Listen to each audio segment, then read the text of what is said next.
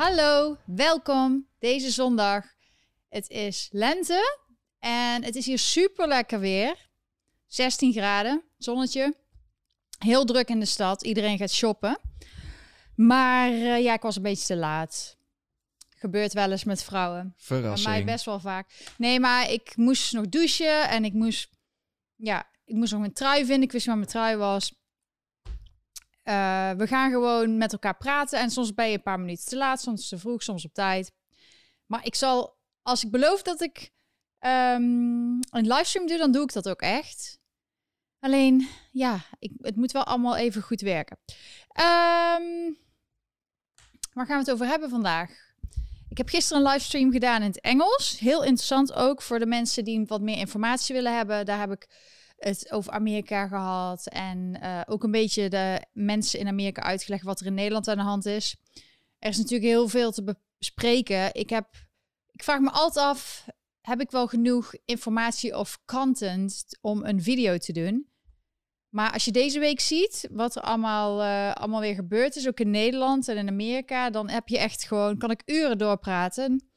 Dus uh, we zullen eventjes zien uh, we zullen even zien wat, hoe lang deze keer gaat duren. Want soms, um, zoals gisteren was het echt 2 uur en 15 minuten. En het ligt ook een beetje aan jullie. Als jullie heel erg actief chatten of een superchat sturen, dan gaan we gewoon lekker wat langer door. Dat vind ik altijd heel gezellig. Als je nu aan het kijken bent en je hebt nog niet gedaan, subscribe en like. En ook misschien stuur een sms'je naar mensen van... hey, kom ook even live chatten. Dat is leuk. Kijken hoeveel hoeveel mensen we er vandaag van kunnen maken. Het is altijd leuk dat gedurende de livestream dat het veel drukker wordt. En um, ik heb zoiets van hoe meer mensen, hoe meer vreugd. Ik uh, zie ja, iemand zeggen van ik wist niet waar mijn trui was, maar ik moet net als jullie gewoon die trui bestellen online. Want het is een bedrijf wat samen met mij uh, dit doet. En die zorgt ervoor dat influencers of YouTubers, die kunnen dan eigen merchandise promoten. Of iedereen. Of iedereen eigenlijk. Maar het is eigenlijk zoiets opgezet. Dat was Dirk trouwens. Die is vandaag ook. Ik zag al de mensen die vroegen of Dirk weer veel gaat praten. Nou, volgens mij zit hij op de praatstoel vandaag. Dus... Uh, Waar baseer jij dat op? Ja, gewoon omdat je heel actief bent. Je hebt ook echt twee zakjes thee in je thee. Dus jij zal heel erg... Uh, ja, hoe zeg je dat? Ik ben heel hyped up, of wat? Ja, hyped up. Nee, ik heb heel de ochtend zitten werken, dus... Uh... Ja, Dirk is met een project bezig. En dat gaat, het leven gaat aan de ene kant gewoon door. Maar ik vind het leuk dat jullie allemaal kijken. Ik ga ook de live chat ook een beetje in de gaten houden. En we gaan dingetjes bespreken. Want ik weet zeker dat, dat jullie met heel veel dingen zitten. En ik wil daar natuurlijk uh, ook um, veel aandacht aan besteden. Want ik zit hier voor jullie om informatie te geven. En als jullie iets echt willen weten van mij, stuur een superchat of gewoon een chat. Die zie ik ook zo hier en daar wat dingetjes. Uh, andere manier om mij te steunen ook, niet alleen de trui, maar die staan hieronder in de links, hieronder. Dat is gewoon een manier dat ik dit kan blijven doen en dat Dirk uh, ook mee wil doen. Want uh, ja, het kost heel veel tijd om alles te doen, alles in te zetten en alle, gewoon om een livestream te doen, daar heb je gewoon veel voor nodig. Niet alleen, daar heb ik ook Dirk voor nodig. dus ik, um, ja, dat, dat is heel leuk als je dat doet. Oké. Um, ik heb een heel lijstje, heel lijstje met dingetjes die ik wil bespreken. Het was deze week St. Patrick's Day in New York. Mensen gaan gewoon naar buiten, restaurants zijn open, um, terrassen, mensen dragen dan groen. Um, een vriendin van mij had een diner met heel veel mensen binnen. En je hoefde niet getest te worden, maar die waren gewoon gezellig met elkaar. En ik zou er eigenlijk ook heen gaan, maar ik kon jammer genoeg niet.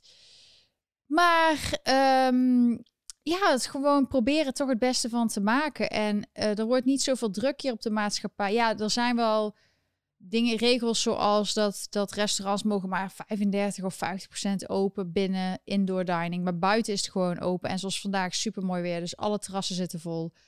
Um, ook de, alle de, de pleinen zitten vol. Er is geen politie die mensen uit elkaar haalt. Van kijk uit, je zit op six feet. Iedereen weet dat er een soort ja, dat six feet is wat recommended is. En dan staan ook bij heel veel winkels van je moet met een masker op. En mensen doen dat ook gewoon. Maar buiten is het gewoon. Mensen laten elkaar gewoon met rust. Bijna iedereen draagt wel een masker. Maar ook als je het niet draagt, dan.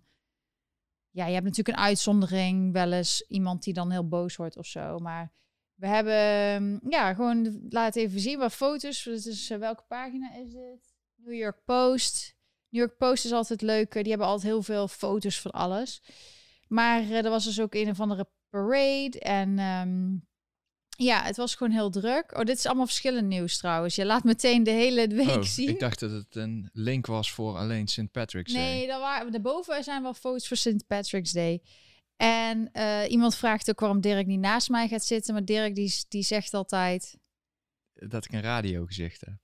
Nee, Dirk die heeft zoiets, ik wil liever uh, behind the scenes. Maar het is eigenlijk begonnen dat ik begon met livestreams. En toen begon Dirk mee te chatten. En toen vroegen mensen, waarom gaat hij niet ook meepraten? Dus wie weet in de toekomst, als dit heel erg groeit... dat hij misschien toch denkt van, nou, ik kom naast Lonneke zitten. Maar het is... Uh... Het is ook niet heel bevorderlijk voor werk. Uh, Wat bedoel je? Als je hierover praat, is nou niet echt dat mensen zoiets hebben van... ik ga jou in. Zeker niet in New York. Nee, ja, dus je moet echt mensen met uh, sterke persoonlijkheid die niet zwak zijn, die gewoon een eigen mening doen, die gewoon kijken voor het beste. Uh, maar er zijn jammer genoeg heel veel mensen, dat merk je ook in Nederland, die dus. Uh, Ro. Roddelpraat zegt altijd bij de 100.000 abonnees, dan uh, laat Jan Roos zijn buik zien. Ja, maar zoiets dat. Bij de 100.000 abonnees, dan laat ik mijn hoofd zien. nou, dan moeten we nog eventjes verder. Maar uh, dat is grappig. Ja, dat zou leuk zijn. Wie weet. Maar ik vind het sowieso leuk dat jullie kijken en uh, liken en subscriben. Omdat ik heb liever minder mensen die heel erg graag geïnformeerd willen zijn. Of gewoon op een normale manier met elkaar willen praten over alles. Dan heel veel volgers en schapen. Zoals noemen ze dat, hè? Schapen in Nederland. Nee, maar gewoon mensen die gewoon alleen maar voor de beroemdheid of zo. Of fear of missing out. Dat ze gewoon ergens deel van willen zijn. Je, ik heb liever kwaliteit dan kwantiteit. En jullie zijn allemaal kwaliteit, dus dat is uh, heel leuk. Maar in ieder geval, het is dus. Je voelt wel hier nu in, in New York dat de lente komt. En ik zei gisteren dat het een beetje. Ja, aan de andere kant ook depressief is. Want mensen hebben wel door wat er allemaal gebeurt met president Biden en zo. En heel veel mensen hier hebben daarvoor gestemd. En ja, de, de, de benzineprijzen en zo gaan door Biden heel erg omhoog. En dus ze hebben zichzelf heel erg in de vingers gesneden, want ze hebben, ja, het kost allemaal meer geld en hij wil nu ook alle belastingen verhogen. Nou, in New York zijn best veel mensen die een hoog inkomen hebben. En hij had eerst gezegd dat hij niet onder 400.000 de belastingen zou verhogen. En nu hebben ze al over tot 200.000. Dus dat gaat heel veel mensen hier die bijvoorbeeld dokter zijn of wat dan ook, die wel op hem hebben gestemd. Ja, die krijgen nu dus gewoon belastingverhoging. En dat vinden ze natuurlijk niet leuk. Dus op dat vlak hebben ze wel zoiets van dat ze een beetje, ja, beduust zijn of zo. Dat ze, dat ze echt zo gelaten, dat is het woord, gelaten. Um, en ook dat, dat er was altijd gezeik over Trump met de kinderen in hokken en zo. Dat heb je misschien wel gehoord. Dat de media heel erg zei. Er zijn kinderen die worden in cages, in uh, kooien gestopt. Nou, het blijkt dus doordat Biden zo enthousiast is en zoveel mensen um, zegt dat, dat, uh, dat die, die alles wat Trump heeft gedaan, dat hij dat niet gaat doen. Zijn er dus heel veel mensen uit Zuid-Amerika die denken, nou, wij zijn welkom, dus wij gaan de grens over met Amerika. En er is nu zoveel aan de hand aan de grens met uh, Mexico. Er zijn zoveel kooien gebouwd om kinderen in te doen en mensen. En uh, er gaan heel veel mensen ook de Rio Grande, dat is een rivier die ertussen ligt, over. En dan zwemmen ze en dan verdrinken ze. En er is echt best wel, het is echt een border crisis. En de perssecretary van press secretary van Biden, die zei eerst ja, border crisis. En toen zei de media van ja, wil je dat herstellen? Ja, wat, wat, wat zei je nou? Ja, border challenges.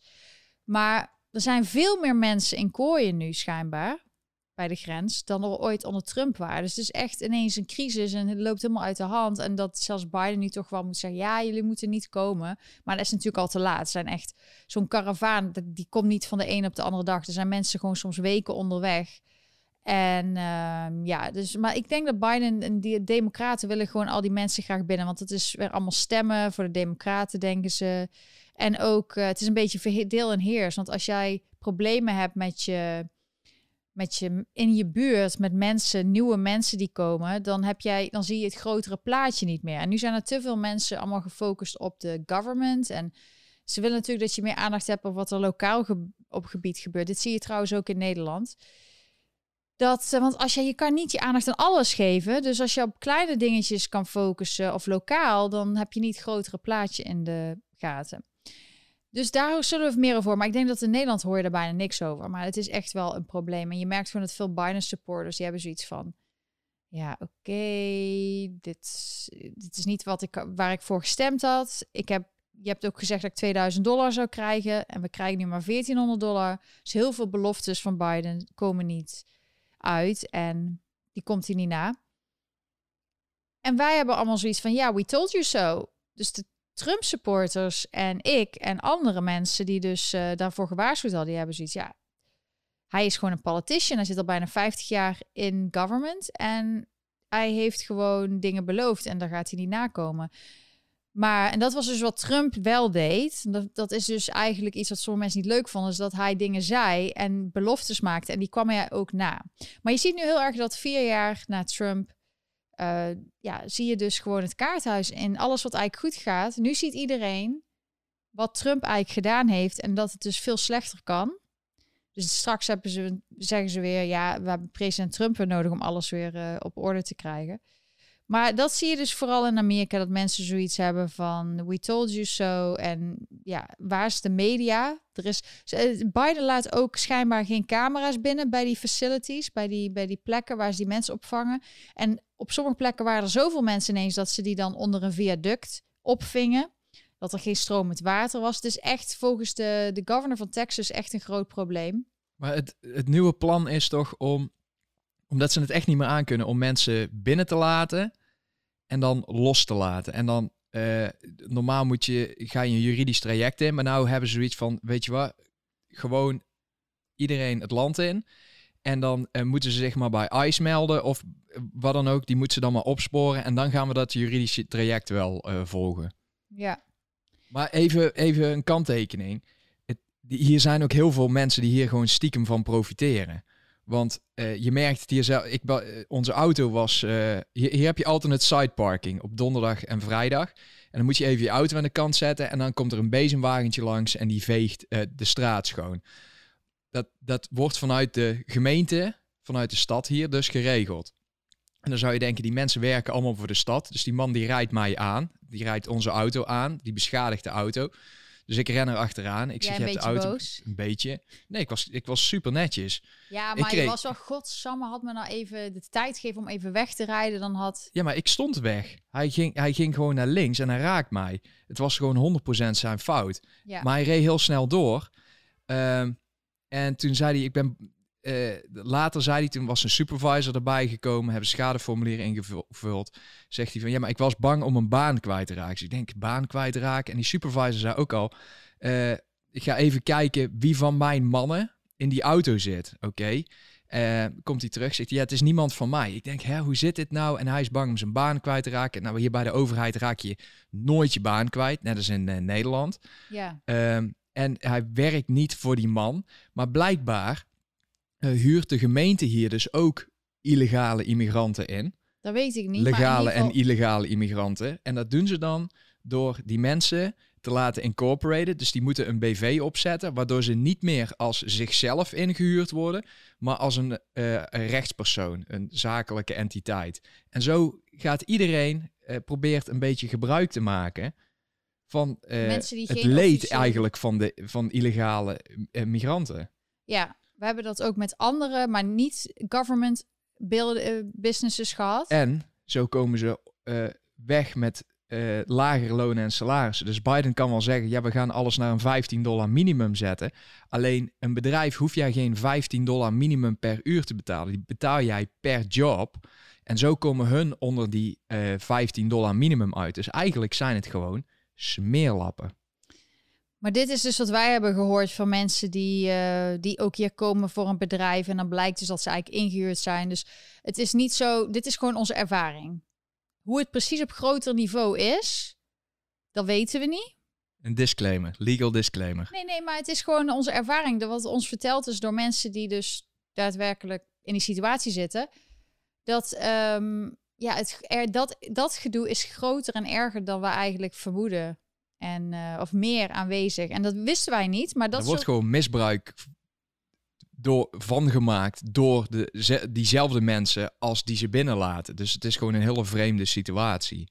En dat is dus wel fijn van ons, want er zijn heel veel Nederlanders die bijvoorbeeld verslag doen vanuit Amerika uh, voor Nederland.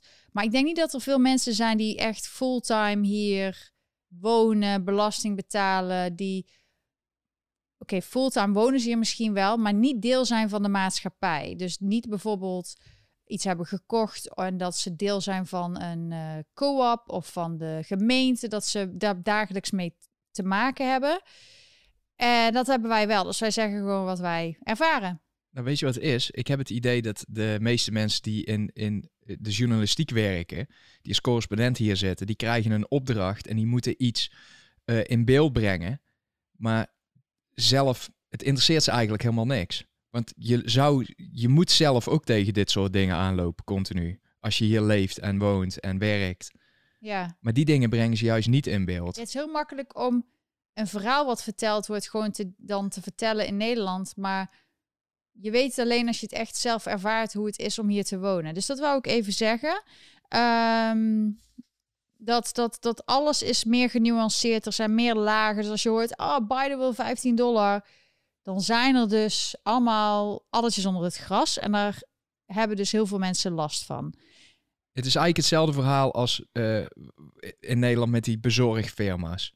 Die oh, mensen zijn allemaal schijnzelfstandigen. Alleen hier gaat het dan nog een stapje verder. Die hebben geen eenmanszaak, maar die hebben een BV. Waardoor ze uh, op, bij die BV op de loonlijst moeten staan. Maar het bedrijf wat hun inhuurt, hoeft in principe geen loon te betalen. En die hoeft ook niet allemaal te weten van wat er met dat bedrijf is. Want het bedrijf is...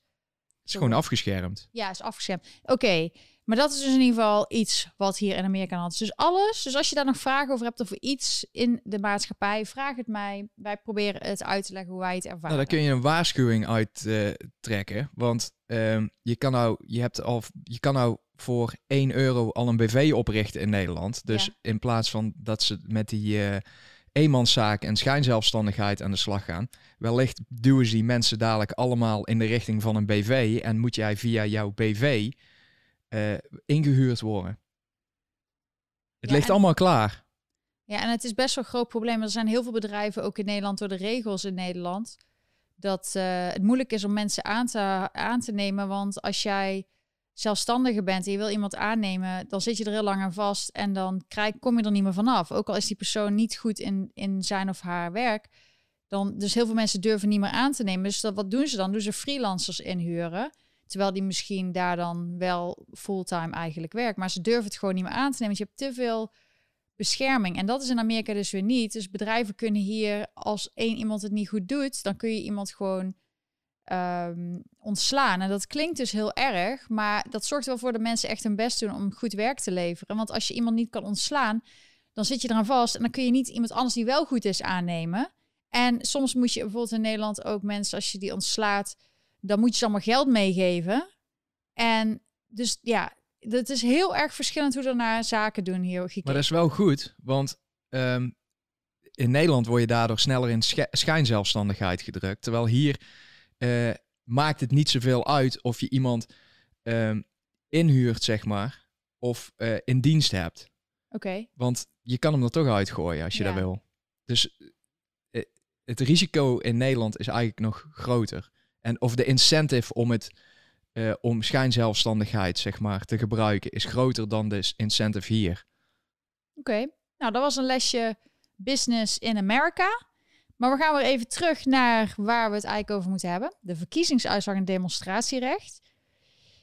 Um, ja, ik kan ook nog veel dingen over Amerika zeggen. Maar ja, Cuomo die krijgt nog heel veel gezeik over zich heen. Want er zijn al acht vrouwen die hebben gezegd dat hij hun heeft lastiggevallen op een seksuele manier.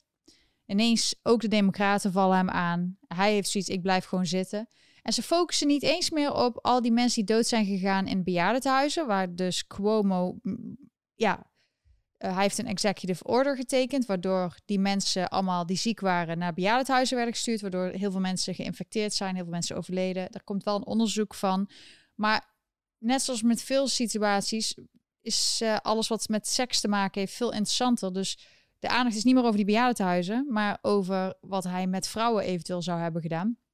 Precies deze timing is natuurlijk niet uh, toevallig. Mayor de Blasio van New York, die uh, zegt ook van nee, hij moet weg, want het is zo erg. Want hij denkt nu ook van ik heb een kans om hem iets te doen. Verder, ja, we hebben binnenkort dus wel burgemeesterverkiezingen. Dat vind ik heel fijn, want in Amerika kunnen mensen dus zelf de burgemeester kiezen.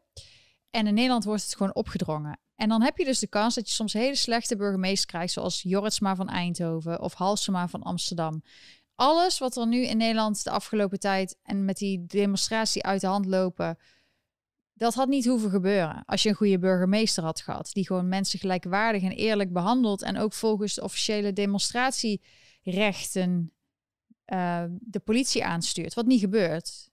En ik weet niet hoe jullie voelen. Ik denk dat er wel een paar mensen zijn die misschien ook zelf naar de demonstratie in Nederland zijn geweest. Maar ik heb dan natuurlijk vanaf hier de livestreams gevolgd. En dan denk ik soms, ja, iedereen kan wel altijd over Amerika iets zeggen. Maar als jij hier wil gaan protesteren, ga je gewoon protesteren. En als de politie ziet dat de groep groter wordt. Kijk, net als in Nederland zouden ze het fijn vinden als je het aanmeldt. Maar ook als je het niet aanmeldt, dan ziet de politie dat. Gaan ze dan met fietsjes of met scootertjes langs rijden. En begeleiden ze dat protest, ook als die beweegt of als die stilstaat.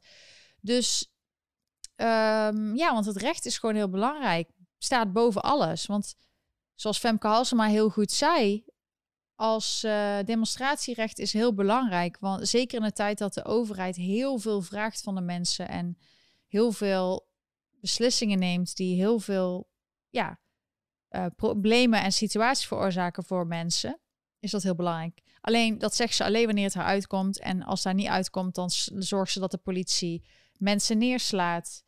En dit is Pieters Nieuws volgens mij. Die heb ik gevolgd gisteren. Zes uur lang. Nou, ik hoef je niet helemaal uit te leggen wat er gebeurde, maar ik zal het toch even kort doen. Er gingen dus mensen koffie drinken. Natuurlijk mochten ze niet op het museumplein zijn. Um, dus de politie was weer in grote getalen aanwezig. En uiteindelijk zijn die mensen die zijn gaan lopen, want die moesten weg daar. En die zijn toen op een gracht terecht, of een kade terechtgekomen, volgens mij Leidskade. En daar hebben ze dus, heeft de politie hun ingesloten. En daar hebben ze meer dan vier uur gewacht. Ik weet eigenlijk niet hoe lang, want Pieters Nieuws, die, die had geen, niet genoeg powerbanks bij. Dus die kon maar zes uur filmen. En toen waren ze er nog. Wat er toen gebeurde is dat een aantal mensen die zijn... Toen kwamen ze eens met busjes. En mensen werden gewoon ingeladen in die busjes. Natuurlijk lekker dicht op elkaar. Net zoals je hier ziet. Ze zeggen allemaal dat die protesten moesten neergeslagen worden. Want mensen mogen niet anderhalve meter afstand van elkaar staan. Maar zoals je hier ziet, duwen ze ze allemaal uh, echt uh, super dicht op elkaar. Dus ja, wat wil je dan? Dat, de, de politie zegt dat ze iets doen. Dus als je het even vanuit goede van de burgemeester en de politie uitgaat, hè, dan doen ze dit omdat het virus er is en mensen moeten bij elkaar wegblijven. Maar wat ze juist doen, is mensen opsluiten en dat ze dicht op elkaar staan. En ook daarna in busjes afvoeren. Waar worden ze afgevoerd? Nou, er waren verhalen dat mensen naar Arena werden vervoerd. Maar ik heb ook al wat video's gezien van mensen die zeiden... Ja, wij zijn gedropt 20 kilometer vanuit eh, Amsterdam uh, in the middle of nowhere. En ik weet niet hoe dat is met mensenrechten, maar volgens mij is dat ook een mensenrechtsschending. En ik zeg altijd, uh, dat zeggen veel mensen, de, koning heeft zelf gezegd, je moet niet normaal maken wat niet normaal is. En daarom blijf ik altijd vasthouden en wat er in de wereld is afgesproken over demonstratierecht. En daar zijn, bijvoorbeeld Amnesty heeft er zes regels opgesteld, waaronder de politie moet vreedzame uh, demonstranten beschermen van railschoppers. Uh, je mag niet actief, als mensen vreedzaam staan en ze bezorgen geen overlast, mag je ze niet schoonvegen, veld schoonvegen. Nou, dat hebben we gezien dat dat in Nederland constant gebeurt. Je mag niet actief aanwezig zijn, je mag niet een agressor zijn. Je ziet in Nederland dat er heel veel Romeo's zijn die onherkenbaar zijn. Nou, toevallig gisteren hadden ze allemaal een jasje aan met politie erop. Dus misschien hebben ze op een kop gehad van de VN en van Amnesty dat een politieagent moet ten alle tijden identificeerbaar zijn. Dat is ook een regel. Dit is allemaal internationale VN-regels die Amnesty dus heeft uh, opgesteld. En Amnesty komt altijd op voor andere landen waar uh, demonstratierecht wordt afgenomen. Maar nu was het zo erg vorige week in Den Haag. En toen hebben ze ook een keer hun mond open gedaan. Dus ik zeg wel, sommigen zeggen ja, Amnesty is ook deel van het World Economic Forum. Krijgen ze geld van, weet ik niet. Maar ik heb meerdere keren Amnesty gevraagd, zeg er iets over, want het is al jaren aan de gang. En de ombudsman, ombudsman heeft al in 2018 gezegd dat demonstratierecht in Nederland heel erg onder druk staat. Omdat er burgemeesters zijn die, doordat ze bang zijn, dit zijn bangerikken, ehm, gaan ze ene demonstratie anders behandelen dan de andere. En dat zagen we vandaag ook in Amsterdam. Want vandaag waren er weer mensen die probeerden op het Museumplein te protesteren. En er was ook een Black Lives Matter protest. En iemand stuurde een videootje naar mij van... Uh, kijk hoe goed ze op, allemaal op afstand staan. Maar je ziet daar gewoon niet de Romeo's en de waterkanonnen klaarstaan. Dat is gewoon een agressor. En daarmee lok je ook um, ja, problemen uit. Maar daarnaast waren er ook altijd heel veel Romeo's actief die, die gewoon relletjes veroorzaken, waardoor daarna de ME een reden ziet om in te grijpen. Dat is gewoon constant. Dat is wat eh, eh, bijna alle mensen die er zijn geweest bij verschillende protesten, elke keer hetzelfde verhaal. Het loopt gewoon uit de hand door hunzelf. En nu zijn er veel gewonden gevallen, maar op een gegeven moment gaan er gewoon doden vallen door het gedrag van de politie en de burgemeester. En ik uh, neem dat ze ook heel erg kwalijk. Dus uh, voor mij zou het liefste zijn dat ze opstappen. Maar jammer genoeg in Nederland heb je niet dat je burgemeester kan kiezen. Dus ik ben ook heel erg voor gekozen voor burgemeesters. Want het zijn nu gewoon puppets van de regering en zo. En Rutte heeft er ook niks over gezegd en zo. Dat echt gewoon genoeg dat, dat um, het beeld moet blijven in de media dat het doorgesnoven hooligans zijn. Terwijl als je de livestreams gewoon ziet van begin tot eind, zie je gewoon wat er gebeurt. En zelfs Arnold Kaskens, die ik dus echt een goede uh, reporter vind, die dus zijn eigen kanaal is begonnen, omdat hij dus niet meer zijn ei kwijt kon bij de NOS, de NPO, die zelfs een zwart boek uh, heeft gemaakt over alles wat niet besproken wordt. Die zei ook van dat dat er dus met twee maten gemeten wordt. En hij hoeft niet eens meer naar Amerika te gaan of af andere landen, Amerika, andere landen gewoon, waar ze altijd zeggen dat het een bananenrepubliek is. Want het is gewoon in Nederland aan de gang. Um, er zijn gewoon mensenrechten schendingen. Dus of je nou bang bent voor het virus en je wil dat iedereen thuis blijft of niet, je moet denken dat, dat de mensen die nu opstaan en die voor hun vrijheid daar staan te protesteren, zijn de mensen die ook voor jouw vrijheid demonstreren. Dus zij willen ook dat jij, ook al bij, zijn ze er niet mee eens met Black Lives Matter of bijeen. Ik vind dat en zij vinden dat ook, dat iedereen het recht moet hebben om er is geen virus of iets, of een UFO-landing, zei ik, of iets anders. Het kan zijn dat er ineens een, bijvoorbeeld een 9-11 in één keer een dag dat er echt terrorisme is of zo, dat, dat je even iets af moet sluiten. Maar als dat er niet is, dan kun je gewoon niet heel tijd demonstraties verbieden. Om, uh, omdat je zogenaamd anderhalve meter, want het is gewoon een excuus, want bij anderen doen ze het niet. Ook bij die video waar de meeste mensen dus heel erg op afstand stonden, zie je ook andere video's dat mensen heel dicht bij elkaar staan. Dus als je het dan over anderhalve meter hebt, dan kan niemand volhouden. Het is onmenselijk. Dus dan kun je overal al mensen op de bon slingeren. En je zag ook een video van een vrouw die kreeg een knuffelboete. Ik denk dat dat woord echt het woord van het jaar gaat worden, de knuffelboete. Want uh, die vrouw had gewoon. Um, Dirk laat ondertussen wat dingen zien. Ik ben blij dat er zoveel mensen zijn die video's van alles maken. Anders hadden we dit niet geweten. Dat er dus gewoon politieagenten zijn die door blijven slaan op mensen. En dat ze een hond op een been zetten van een man die al neerlegt. Dit is gewoon ziek. Hetzelfde als in Eindhoven, dat er dus zo'n waterkanon, een meisje gewoon tegen de, de, die gewoon daar loopt. Gewoon een, gewoon een burger en die daar gewoon loopt gewoon een schedelfractuur blaast. Gewoon met die waterkanon op haar gezicht. En dan gewoon zorgt dat zij gewoon 15 hechting of zoiets had en een uh, schedelfractuur. Dan ben je gewoon ziek bezig. En het, het verbaast me dat er zo weinig politici zijn die zich er tegen uitspreken. Um, ik vind ook zelfs dat Geert Wilders heel... Ja, ik weet dat hij heel erg voor law and order is. Maar je moet gewoon de politieagenten, de individuele politieagenten die dit doen, moet je aanspreken. En de individuele mensen die bijvoorbeeld problemen veroorzaken, moet je aanspreken.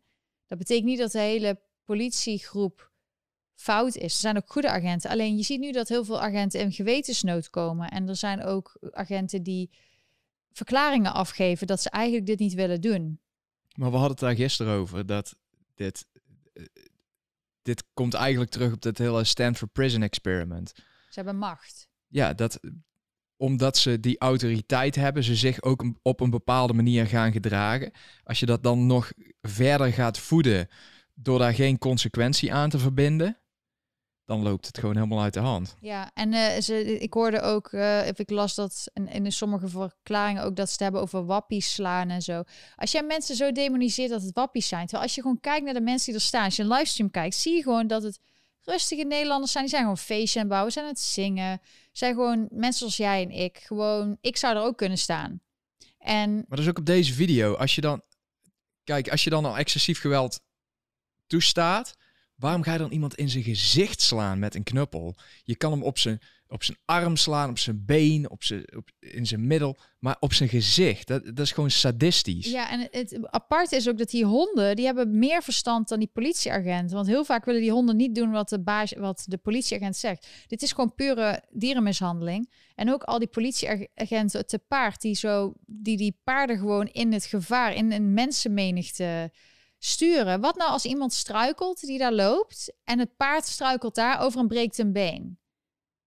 Dus politiepaarden die kun je inzetten ter begeleiding van een protest of gewoon rust, maar die ga je niet actief inzetten. Zelden met honden.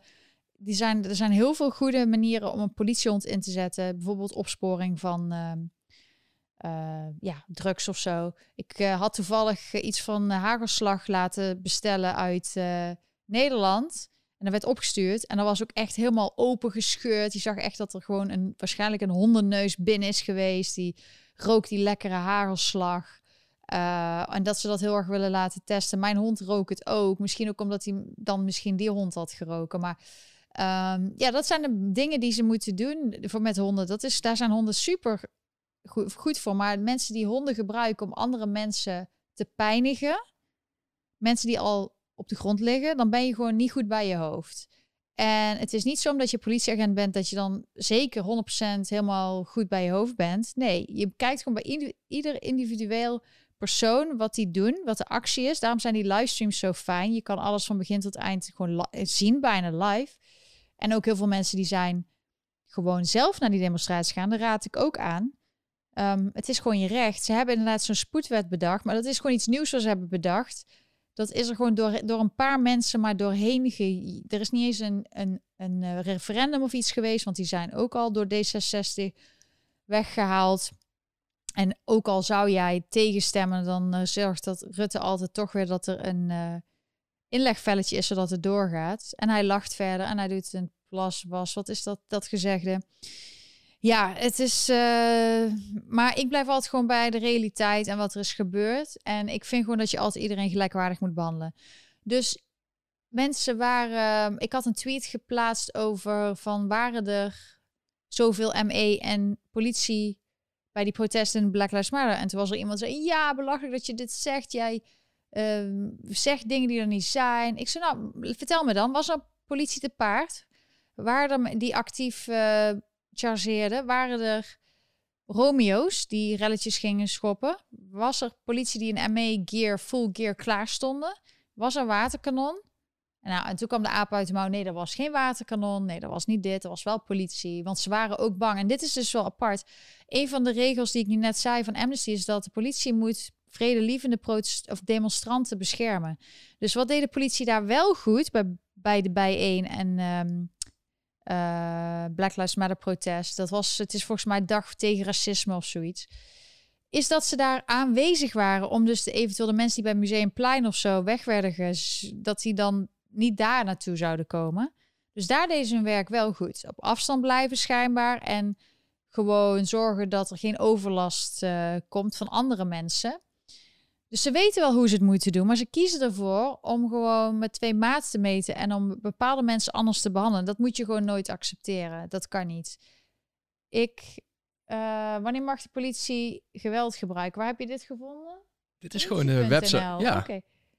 Oh, dus misschien moeten ze een eigen website eens gaan lezen. Ja, maar het is net of die mensen helemaal in een massapsychose zitten of zo. Ze worden helemaal gevoed. Ze kijken waarschijnlijk alleen NOS of zo. En uh, luisteren naar Rutte. Maar ik weet dus dat er heel veel politieagenten zijn die wel nadenken. En die gaan ook gewoon, hey, wat zijn de regels? Volg ik die regels nog? hey, dit gaat niet goed. En je moet altijd kritisch blijven op jezelf als organisatie.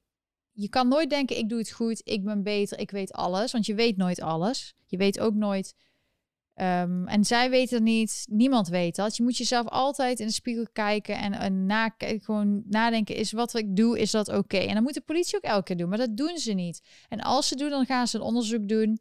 En dat is het probleem ook in Nederland, dat ze dan wel een onderzoek doen zelf, maar dat er dan uitkomt: nee, er is niks fout gegaan. Dat zagen we ook bij de Belastingdienst. Zien we nou weer bij de politie. Er was in Eindhoven, hebben ze een onderzoek laten doen door een extern uh, bedrijf. En de burgemeester en de politie valt niets te verwijten van wat daar allemaal misging. Het was gewoon overmacht. Ja, oké. Voor de mensen die er live aanwezig waren of die, zoals ik, de livestream hebben gezien, die hebben een heel ander uh, idee. Maar zo gaat het de hele tijd. Het wordt gewoon afgedaan. Het valt wel mee. En het rare is, met, er zijn heel veel mensen die zeggen, ze moeten zich aan regels houden. Ze moeten daar weg als de politie dat zegt. Oké, maar die regels zijn nieuw. En Rutte, die hoeft zich niet aan die regels te houden. Dus hoe kun jij het verwachten van mensen dat ze zich aan nieuwe regels houden die jij hebt geïnstalleerd, terwijl je dat zelf niet doet? Rutte blijft niet op anderhalve meter afstand van mensen. Rutte draagt geen mondkapje.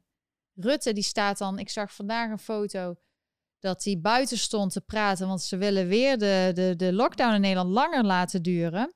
Want uh, het infectieniveau is nog te hoog en er is te veel druk op de zorg. Heb jij iets gehoord van de zorg dat er meer bedden zijn gebracht of meer verplegend personeel? Heel veel mensen zijn de afgelopen tien jaar uit hun uh, ja, uit de ontslagen in de zorg heel veel wilden er terug in de zorg, die wilden helpen. En dat, daar hebben ze helemaal niks, geen aandacht aan gehad. Want het enige wat vanaf het begin af aan voor de jongen en voor Rutte telde was vaccinatie. En mensen thuis houden. Waardoor alles en iedereen gewoon kapot gaat. Of het nou mentaal is of fysiek, dat je winkel kapot gaat, dat je geen inkomen meer hebt. Dus ik zeg al tegen mensen, voordat je zo heel uitgesproken bent, hè, kijk naar alle, alles eromheen. Wat gebeurt er om je heen? Wat doen de leiders? Want leiders zijn toch altijd mensen die, wij moeten, die, die mensen moeten leiden, die wij moeten volgen. Waarom doen zij andere dingen? Waarom, als je Nederland binnenkomt, hoef je, moet iedereen testen, behalve Rutte en Kaag en de jongen en Maxima en Willem-Alexander en ook buitenlandse diplomaten en regeringsleiders. Waarom moeten jij en ik dat wel en zij niet, als het zo'n gevaarlijk virus is? Zijn hun immuun? Of is dit virus zo bijzonder dat ze die mensen ontwijken? Uh, of is het gewoon een heel ander verhaal waar we mee te maken hebben? Kijk, het rare is dat ze wappies altijd zeggen dat hij het virus. Uh, mensen noemen ze wappies omdat die dan zogenaamd het virus zouden bagatelliseren of uh, net doen of het er niet is. Maar ik denk dat die mensen juist heel realistisch zijn van ja, het is er en je moet gewoon andere maatregelen. Dit slaat nergens op. Dit is slecht voor je gezondheid wat ze doen. Mensen binnenhouden enzovoort. Dat is gewoon ook medisch, medische wetenschap. Dus welke wetenschap willen zij volgen? Er is gewoon wetenschap en heel veel dokters die zeggen: dit werkt niet, dit klopt niet. Ook juridisch klopt het niet. En dan heb je mensen zoals uh, Willem Engel, Viruswaarheid, die proberen wel bij de rechter gelijk te halen. Maar daar hebben we ook al gezien een paar weken geleden dat je daar niks van hoeft te verwachten. Want als Rutte iets niet zint, heeft hij binnen een paar uur een hoger beroep. Terwijl jij en ik als wij een hoger beroep willen voor iets en het moet urgent zijn, dan duurt het nog steeds weken. Dus er is geen recht in Nederland. Er is geen demonstratierecht op dit moment. Er is geen rechtsstaat in dit moment. Als mensen nu, zoals vandaag, tegen racisme en fascisme strijden, waarom strijden ze dan niet tegen Rutte, die nu weer premier wordt? Want hij is de enige, zover dat ik weet, die echt door een rechter is geoordeeld of veroordeeld voor rassendiscriminatie in 2007 omdat hij Somaliërs harder wilde aanpakken. Hij is ook de persoon die door de Rutte-doctrine de toeslagenaffaire heeft veroorzaakt. Dus waarom de mensen die het echt daadwerkelijk discriminatie, racisme doen, waarom pak je die niet aan? En als we het over fascisme hebben, dan hebben we het over een autoriteit, autoritair regime. En sorry hoor, maar wat Rutte met zijn lach en zijn leuk op zijn fietsje allemaal doet in Nederland en iedereen al weken en maanden binnenhouden, dat vind ik best fascistisch. Dus alles waar ze. En dat is iets wat echt ook in Amerika te zien is: dat vaak mensen die zelf iets veroorzaken of zelf iets doen, die beschuldigen andere mensen van wat ze zelf doen. Maar dat moet gewoon stoppen en we moeten dat gewoon exposen. Dat moet gewoon besproken worden. Dat is niet oké. En de enige manier dat, dat, kijk, je hebt geen keus. Of je accepteert dat, dat alles van je in Nederland afgenomen wordt en je rechten en dat je dus nog weer maanden binnen zit. Of je laat je stem horen en dat je weer een rechtsstaat wil. Dat je Nederland weer normaal wil hebben. Dat je Nederland weer, dat alle internationale rechten en plichten worden nagekomen. Dat Nederland weer de treaties en de internationale overeenkomsten en afspraken gaat volgen. Dat we weer kunnen bouwen en geloven dat de rechters onafhankelijk zijn. Dat het parlement open is en transparant. Dat kan op dit moment niet. En jammer genoeg, we gaan het ook over de verkiezingen hebben. Ik was er al bang voor. Ik was heel erg van klaar met Rutte en graag geen Kaag. Maar ik wist in mijn hart al, zij moeten het gewoon nog even doen. Van hoe dan ook. Ja, maar het was jou van tevoren al gezegd ja, van het kan niet anders, dit, dit gaat gewoon gebeuren. En dan was het aan de ene kant was zo van ja, van bovenaf. Aan de andere kant was het dat er zoveel mensen gewoon helemaal in die psychose zitten. Dat ze Rutte gewoon een goede leider vinden. Terwijl de feiten gewoon daartegen spreken. En Kaag is gewoon niet geliefd. Veel mensen vinden haar een ijskonijn. En ik, ben, ik vind het heel goed als er vrouwen aan de top zijn. Maar dan zie ik liever mensen zoals bijvoorbeeld Femke Merel van Kote Arissen Ehm, die, de, die de moeilijke vragen stelt. En ja, wat is er met de verkiezingen gebeurd? Ik kan jullie ook over mijn top 5 praten. Ik, had, uh, ik hoop dat jullie die video ook hebben gezien van mijn top 5 partijen waar ik op zou stemmen. En dat was eh, SP, Code Oranje, Splinter en PVV en Forum voor Democratie. Uiteindelijk heb ik dus op PVV gestemd. En Femke Merel van Cote Aars heeft het niet gehaald met Splinter. Code Oranje met Richard de Mos heeft het niet gehaald.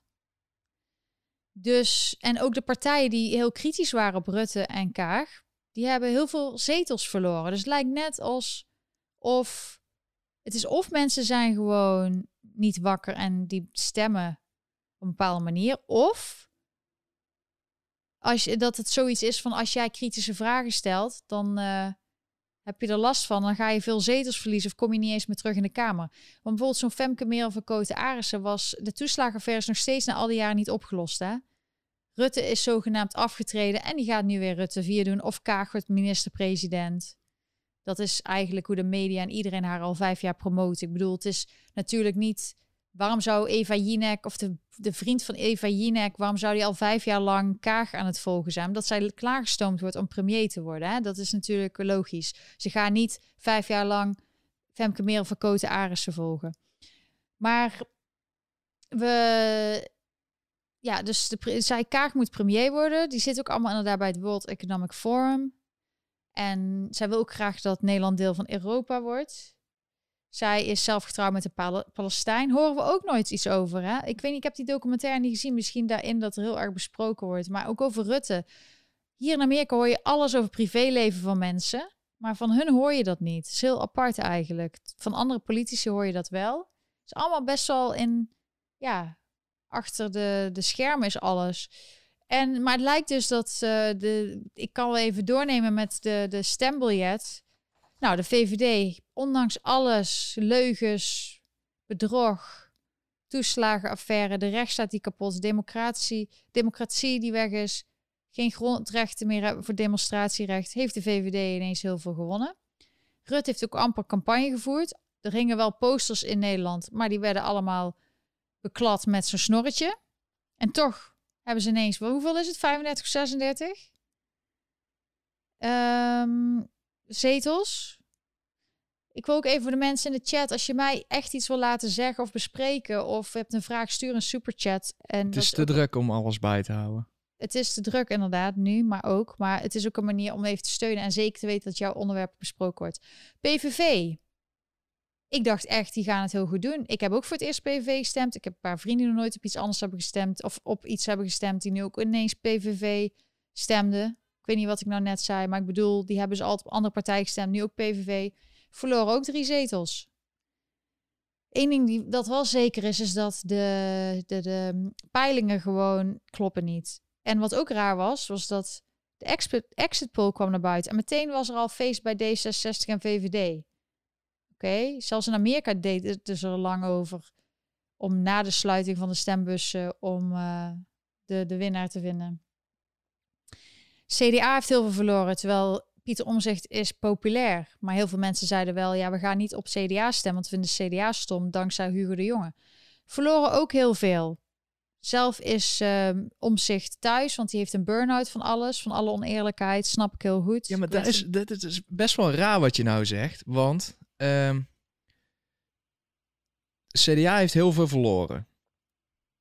Ik, ik denk dat het grotendeels komt door uh, de jongen. Maar die hadden daar, daarnaast hadden ze nog uh, Hoekstra, die best wel goed werk heeft gedaan achter de schermen. Nee, niet altijd. Met de toeslagenaffaire nee, was maar, ook. Dat weet ik, maar die was ook een beetje met handen gebonden. Die hij heeft stiekem goede dingen gedaan, een zeg paar maar. dingetjes. Ik weet niet of mensen dat weten, maar... maar nee, maar mij heeft dus en en daar is ook Pieter Omtzigt heel veel goede dingen gedaan. Ja. En dan toch verliezen ze zoveel. Dus wil dat dan zeggen dat de haat voor de jongen dan zo groot is dat meer dan Rutte?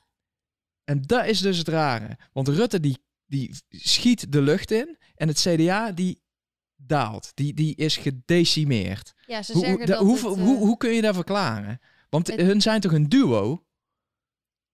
Ja, omdat Rutte, Teflon Rutte, die laat iedereen... Ik zag toevallig een documentaire van Zembla over uh, granuliet. Dat is op zich, ja, niet iets waar je als eerste aan denkt van... oh, ik wil een documentaire over iets lezen maar, of horen.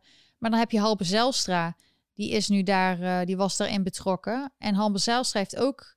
Het moest ook weg omdat hij iets had gezegd. Iedereen valt altijd voor Rutte, zodat Rutte kan blijven. Nee, nee, nee. Het is net of Mark Rutte altijd een soort schild inzet. Hij weet dat er iets negatiefs aan zit te komen en dan plaatst hij daar iemand anders. Hij weet dat de toeslagenaffaire zo'n bende is, dus da daar zet hij twee mensen neer die als schild dienen. Ja, ja, ik denk gewoon dat Rutte vanuit Koningshuis en zo, uh, vanuit uh, weet ik veel, erboven en wat je al die namen die je maar noemt waarom, altijd, waarom durft niemand er uit te spreken? Um, het maakt niet uit of je het uitspreekt, want het verandert niks. Ja, maar er moet toch iemand zijn die door hem voor de halve Zijlstra voor de ik bus. Weet niet. Iedereen denk, wordt voor de bus gegooid. Ik denk er dat... moet toch in, of, of zijn die mensen zo blij dat ze een paar jaar een paar of, of een ton per jaar krijgen, dat ze zoiets hebben van, weet je waar, uh, laat hem lekker. Ik, uh, ik zit nou in, in mijn baantjescarousel. Dus ik kan maar beter mijn mond houden. Want ik ben nou gewend aan dit, uh, hoe heet het, welvaartsniveau.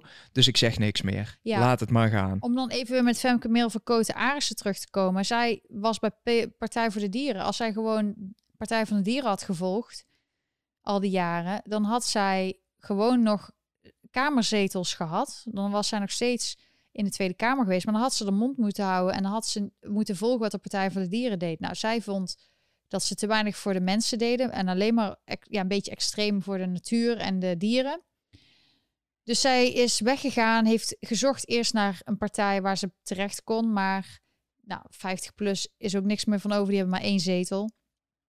Uiteindelijk met Henk Krol. Nou, Henk Krol is ook iemand die heeft ook gestemd tegen de coronamaatregelen zo. Die is ook uit de Kamer. Dus alle mensen die eigenlijk kritisch waren, die zijn nu allemaal uit de Kamer. En in ruil daarvoor heb je nu mensen zoals Kautar en uh, Sylvana Simons, die voor de buitenwereld heel erg divers zijn en heel veel aandacht zullen krijgen. Maar de mensen die echt de moeilijke vragen stelden, die zijn weg. Die zijn weggevaagd. Dus dat vind ik gewoon opvallend. Maar over CDA, ja, CDA heeft wel precies zoveel zetels wel dat, dat, uh, dat ze wel met uh, VVD en zo uh, en D66 iets kan doen. Wat ook wel raar was, was dat PVV zei eerst wel te willen regeren, maar nu meteen nadat de uitslag was, zeiden ja, we gaan oppositie voeren. Oké, maar er is wel via rechts een, een coalitie mogelijk.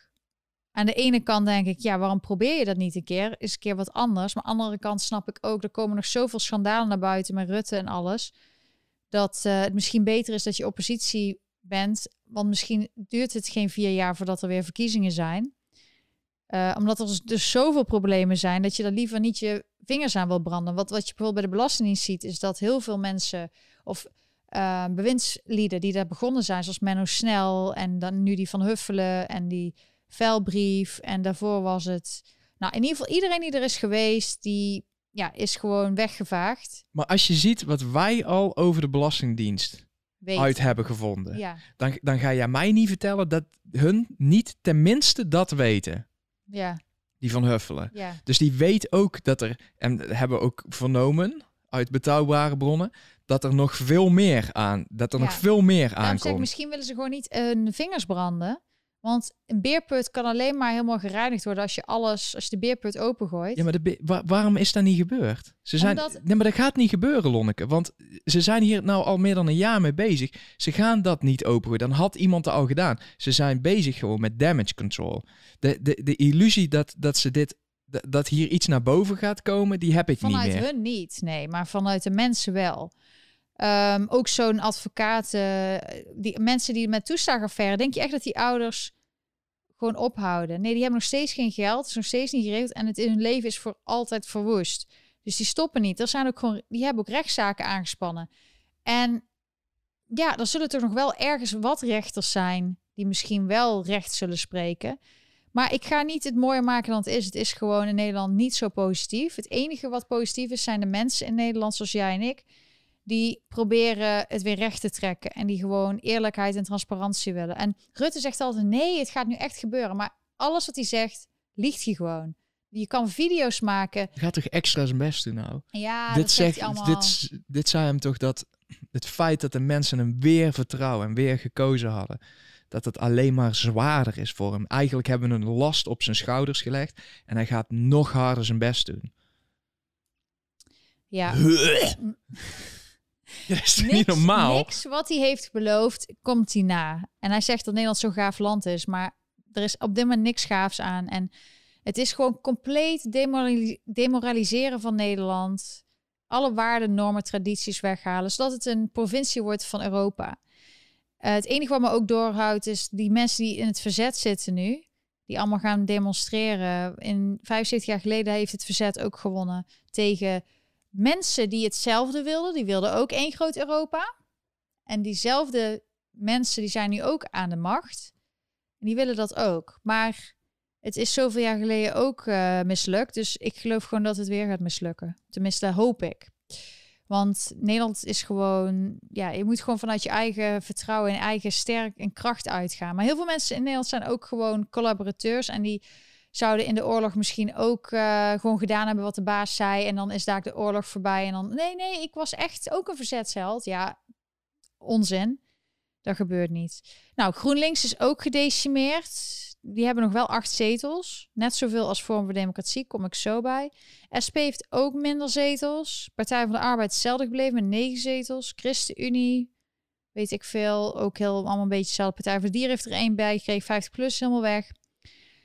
SGP 3, Denk, heeft er ook één verloren. Forum is de grootste winnaar met zes zetels erbij, is acht zetels. Maar ik denk ook, sommige mensen zeggen ook, Forum had zoveel mensen op de been, dat het ongeloofwaardig zou zijn als hij maar twee of drie zetels had gehad. Dus ze moesten ze op zijn minst wel acht zetels geven. Maar misschien hadden ze er ook wel meer gehad anders.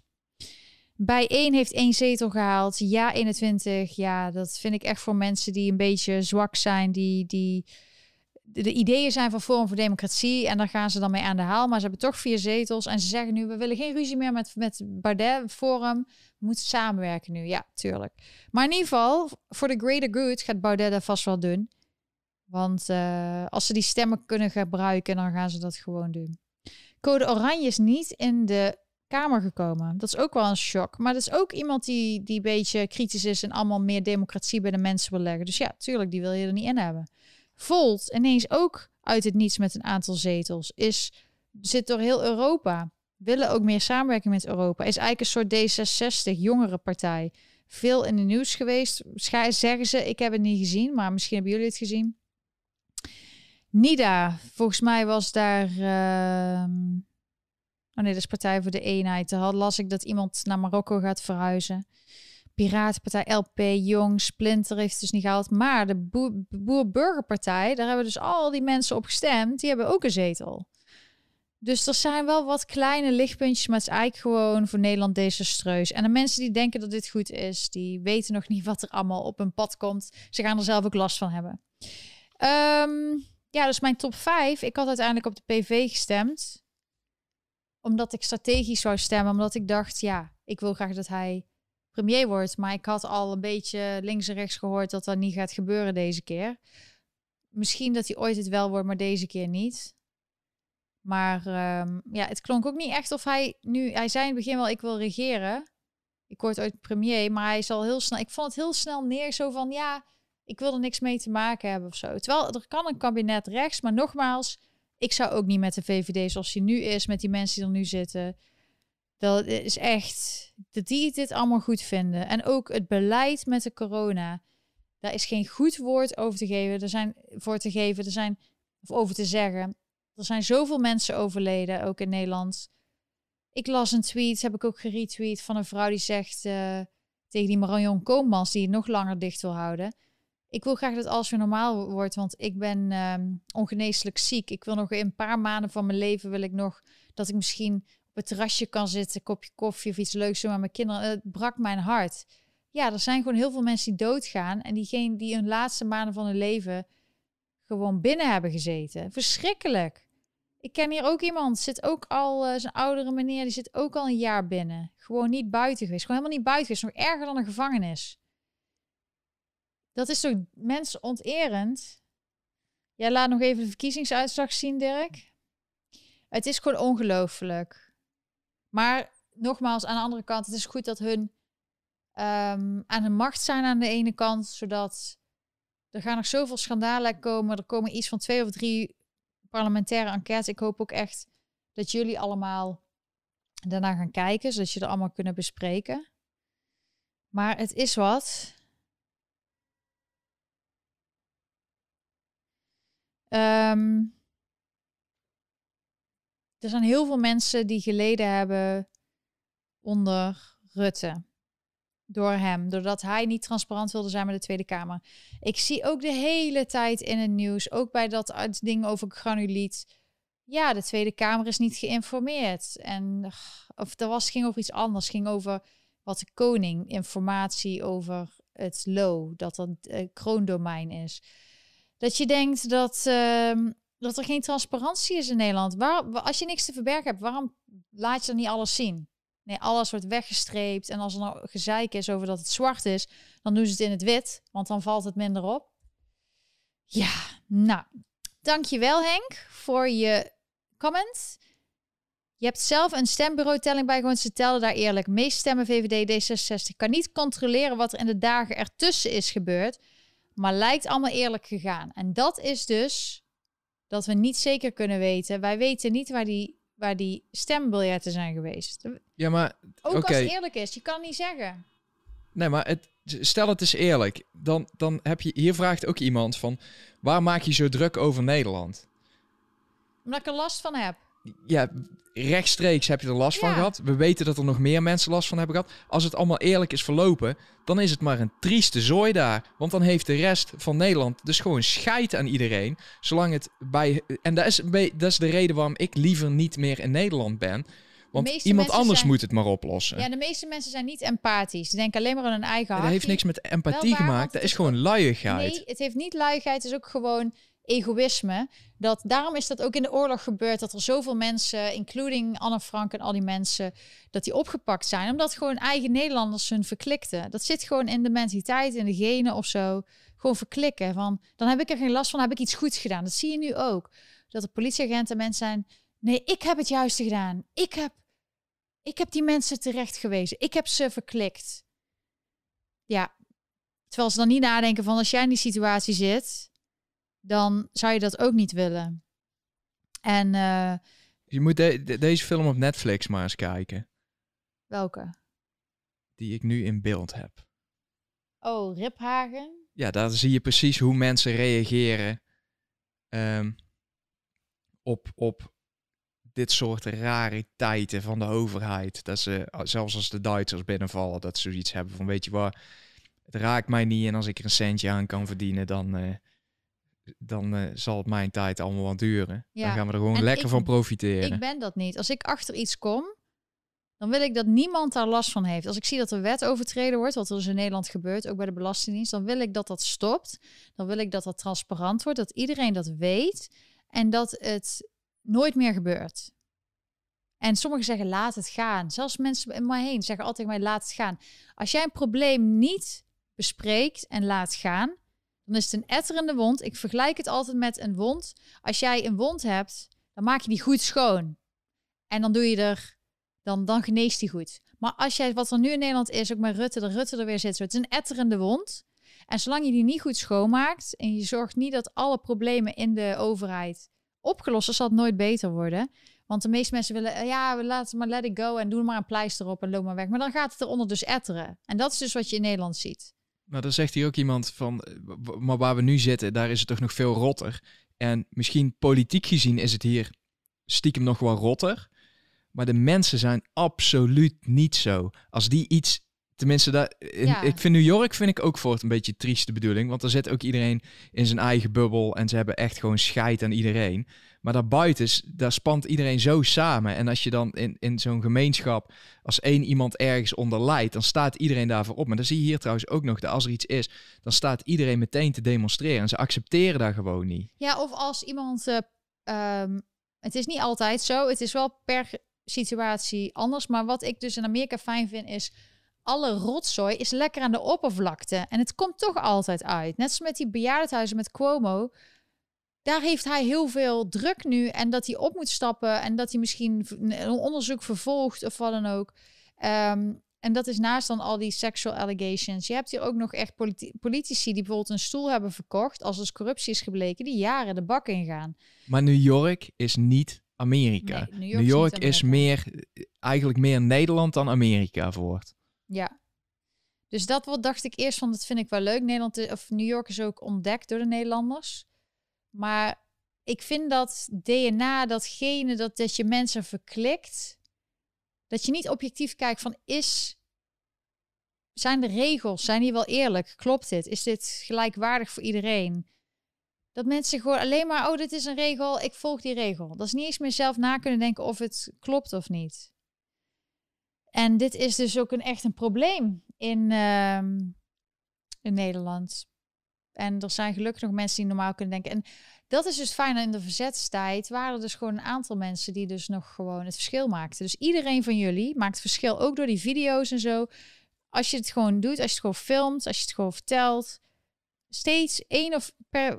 Je, de meeste mensen zijn nog steeds onder de indruk van die, geloven Rutte dat hij het beste voor heeft met Nederland. Nou, die tijd ben ik al lang voorbij. Um, en dat de overheid het beste voor heeft. Reagan, president Reagan zei het heel goed van het, waar je het meest bang voor moet zijn, is als de overheid zegt uh, I'm here to help. Van, uh, dat je dus vertrouwt, 100%. Moet je nooit doen. Je moet altijd kritisch, alles kritisch bekijken. Of het klopt of niet. En transparantie is heel belangrijk, maar uh, heel veel mensen willen alles gewoon over onder de, ja. Als je ziet hoe, we waren van de week in of op eigenlijk, Staten Island. Ja. Daar heeft iedereen gewoon de vlag buiten hangen. En die, die, die zitten allemaal hutje-mutje op elkaar, die mensen. En die, die voelen zich ook echt verbonden met elkaar. Tenminste, die, de mensen die wij daar kennen, die, het is daar echt een gemeenschap. Het is daar compleet anders dan in Manhattan. Ja, die stemmen ook allemaal Trump. Er waren ook nog een aantal mensen die... Uh Trump uh, signs in de tuin hadden staan en zo. Dat zou je hier niet moeten doen op, het, op Manhattan maar, en Brooklyn en Queens. Maar daar ja, zijn het allemaal republikeinen. Um, dus jullie zijn, jullie zijn de reden dat, dat er nog hoop is, eigenlijk. En we moeten het gewoon allemaal bespreken. En uh, ik geloof best dat Rutte heel aardig is. Een persoon dat je echt denkt, oh, wat een aardige man. Maar je moet naar acties kijken. En ik ben, niet, ik ben helemaal niet te spreken over wat hij heeft gedaan. Maar het is nu een feit. Het is zo. Er zijn wel mensen die dus uh, de uitslagen questionen. Vooral omdat er dus drie dagen gestemd was. En inderdaad, als je netjes gestemd hebt. En het is allemaal VVD. Dan denk je inderdaad dat het klopt. Maar als jij niet weet waar al die stembiljetten zijn gebleven. Net zoals in Amerika. Dat er ineens ladingen binnenkwamen. Waar, waar je niet kan controleren waar die vandaan komen dan kun je nooit zeggen 100%. En dat is het probleem met wat ze dus ook in Nederland en Amerika hebben gedaan. Je kan niet zeggen dat het eerlijk of oneerlijk was, want je weet het niet. Je kan het niet bewijzen. Er is geen bewijs voor. Het is niet, de stembiljetten zijn niet beschermd in één ruimte, in één dag geteld. Dus je weet het niet. Misschien had Forum veel minder zetels, misschien hadden ze meer. Misschien had PVV meer, misschien had VVD minder. Um, het is meer, je kan alleen maar discussiëren over een gevoel. Maar we hebben dus een situatie nu dat Rutte daar weer zit. Met Kaag waarschijnlijk en CDA misschien. Wat zal er nog meer bij komen? Misschien dat het weer ChristenUnie wordt. Dan gaan we gewoon eigenlijk weer dezelfde regering. En in Denemarken hadden ze in de krant gezet van... Ja, waar kun je nog... Uh, kan je, als je tienduizenden families kapot hebt gemaakt... kun je dan nog premier worden? Ja, Rutte kan dat. Dus dat is gewoon de realiteit. Dit is gewoon de realiteit. Dat, dat, dat, dit is er. Dit is hoe het is gegaan. Dit is, we weten dus, in hetzelfde in Amerika. Mensen hebben soms ook nog zoiets van, ja, president Trump vliegt nog in Air Force One. Nee, Biden probeert de trap op te lopen bij Air Force One. Flikkert drie keer naar beneden. Maar oké, hij heeft gewoon Air Force One. Dat is de realiteit. En de Supreme Court wilde er niet over hebben over de verkiezingen. Alle lawsuits om dus alles na te kijken op Supreme Court level wilden ze niet. Wilden ze niet eens naar kijken. Dus hoe... En zelfs Justice Thomas, dat is de enige black justice, die is echt top, zeg maar. Was hij nou op dit moment niet de meest populaire? Wie? Na ja, dit incident? Hij is sowieso al populair. Hij is conservatief, maar hij is heel populair. En hij zei gewoon, ja, sorry, voor iedereen wil je gewoon dat alles besproken wordt als het gaat over verkiezingen, zodat iedereen gewoon, de meeste mensen gewoon vertrouwen hebben in de verkiezingen. Dus waarom, er is zoveel gebeurd met die verkiezingen, met de veranderen van regeltjes en zo. Waarom ehm, kunnen we dit niet gewoon even bespreken met z'n allen? Waarom wordt het dismissed? Wordt deze zaak niet eens besproken? Zij vond het heel slecht. En maar toevallig de twee uh, judges of justices die Trump heeft aangedragen, Kavanaugh en uh, Amy Coney Barrett, die hebben ook het gedismissed. Oké, ik liet net een videootje zien van een nep-politie in Rusland. Dat is gewoon een prank. Er loopt een jongen, die hoort erbij. Die loopt in een, uh, in een mall, in een, in een winkelcentrum. En die krijgt van de politie een paar tikken omdat hij zijn masker niet op heeft. En dan, dat is dus nep, hè, voor iedereen. Dat is nep. Ja. Um, en oh. de mensen die daarachter, die schrikken zich helemaal kapot. Ze denken, ik moet snel mijn masker opzetten, want uh, anders krijg ik ook tikken. Maar dit is, dit is precies zo als het uh, in Nederland gaat. Je moet, je moet dat niet zomaar accepteren als je denkt, oh, die krijgt klappen, dan zal ik het maar doen. Nee, die krijgt klappen, dan ga je met z'n allen op die agent af en dan pak je zijn stok af en dan hou je hem staande tot er agenten komen die wel bij zinnen zijn. Ja. En dan, ga je, dan roep je hem ter verantwoording. Maar dit is zoals het altijd gaat. Mensen zijn gewoon heel snel, als ze alleen zijn, zijn ze heel erg. Je moet dat vanuit jezelf hebben. Die kracht van dat je meteen questioned van klopt dit wel. maar ik heb het al eerder gezegd. Je moet bij altijd bij alles denken: klopt dit? Klopt dit? Is dit? Is dit? Is, is, is, dit volgens de regels? En... Maar ik heb dan een keer eerder gezegd dat vroeger op Stratum Zuid, Stratum Zuid voor de mensen die niet uit Eindhoven komen of daar nooit geweest zijn, is de, een straat met de meeste kroegen per vierkante meter of zoiets. Nou, die zijn ook allemaal dicht nu hoor. Ja, die zijn ook allemaal dicht, maar daar ging je vroeger altijd stappen, zeg maar. En eh, ik, ik was de enige nuchtere persoon ongeveer die daar rondliep op het Stratum Zuid. Ja. En dan zie je gewoon eerder of, of dingen gaan escaleren of er opstootjes ontstaan. En dan liep ik heel netjes naar de politie toe en dan zeg ik van, hey, jongens, misschien moet je daar eens gaan kijken, want daar dreigt eh, wat uit de hand te lopen. En dan kreeg ik klappen. Ja. Dan, dan liepen ze er niet heen. Dan kreeg ik gewoon klappen. Niet met een gummiknuppel, maar gewoon met de vuist op mijn schouder, op mijn rug. En ik werd gewoon weggeduwd. Terwijl jij gewoon daarheen kwam van, hey, ga even daar kijken, want ze zijn daar aan Ik probeer geweld te voorkomen, zodat iedereen gewoon een leuke avond heeft. de Nederlandse politie is gewoon heel slecht getraind in de-escaleren. Dat zie je ook in alles wat er gebeurt. Ik zie dat Richard, dank je wel voor, de, voor, voor je uh, bijdrage. I, I appreciate it. Je zegt hopelijk een lunch voor jullie, een lunch voor jullie in New York. Nou, niet meer. Daarom, daarom zijn we ook op zoek naar een huis buiten New York. Hoezo? Nou, je kan hier voor 20 dollar geen lunch eh, ja, meer krijgen. het loopt echt uit de hand. We, waren in Brooklyn. Ja, en toen was echt de helft. De sandwich hier, hier betaal je tussen de 12 en de 16 dollar voor, gewoon een boot, twee boterhammetjes met iets ertussen. En in Brooklyn, waar is het? 20 minuten rijden, betaal je uh, de helft. Je zegt dat jij dit jaar zal verschijnen in een NPO-documentaire over het onderwerp antisemitisme. Heftig maar goed gesprek. Moet, men moet meer met elkaar spreken. Nou, ik ben benieuwd. Stuur ons een link als je daarin eh, bent of in staat. Wij, wij staan altijd open voor alles.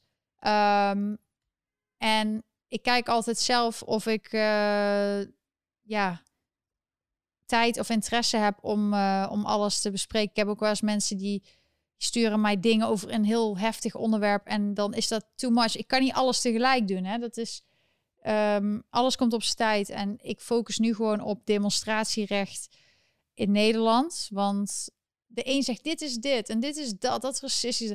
Iedereen, ik wil gewoon even focussen op het feit dat iedereen mag zeggen wat hij vindt. Uh, of in ieder geval mag demonstreren voor waar ze voor staan. Of je het nou leuk vindt of niet. Ja, maar het probleem is dat ze zoveel verdeling hebben veroorzaakt op verschillende gebieden, dat mensen het eigenlijk op. Die, die kunnen het onmogelijk nog eens worden met elkaar. Want uh, het, wat is het? Racisme, uh, man-vrouw problemen. Hier in Amerika begint nou weer een hele Chinees probleem te komen. Ja. Want die zijn nou weer achtergesteld en die hebben nou, het zwaar. Heel veel, uh, er is heel veel Asian uh, hate crimes. Maar dan praten we alleen maar over dat... Heb jij daar hier gezien? Er zitten hier zoveel mensen op elkaar. Ja, we hebben die video gezien van die man, die, die Asian. Maar ze willen het dus doen... Ja, die, die wordt hier neergeslagen door een dakloze man.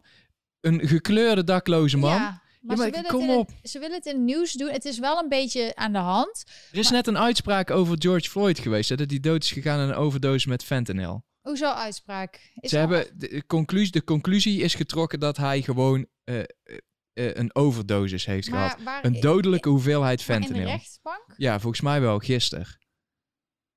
Terwijl die hele die dingen moet nog gebeuren hoor. De hele procedure. Ja, maar er is iets met dat onderzoek waaruit dat is gebleken, okay, blijkbaar. nou dan moeten we nog meer in. Daar is er natuurlijk ook heel veel aan de hand en daardoor zijn er wat meer protesten hier. Maar even terug te komen, in Amerika is inderdaad meer aandacht nou voor Asian hate crimes. We hebben zelf dus een video van iemand die dat, die dat heeft meegemaakt gezien. En dat was een, uh, ja, een uh, African-American uh, man, een dakloze, die sloeg een Aziatische man. Maar ze willen het in nieuws heel erg doen dat het alleen maar de blanke mensen zijn die dat doen.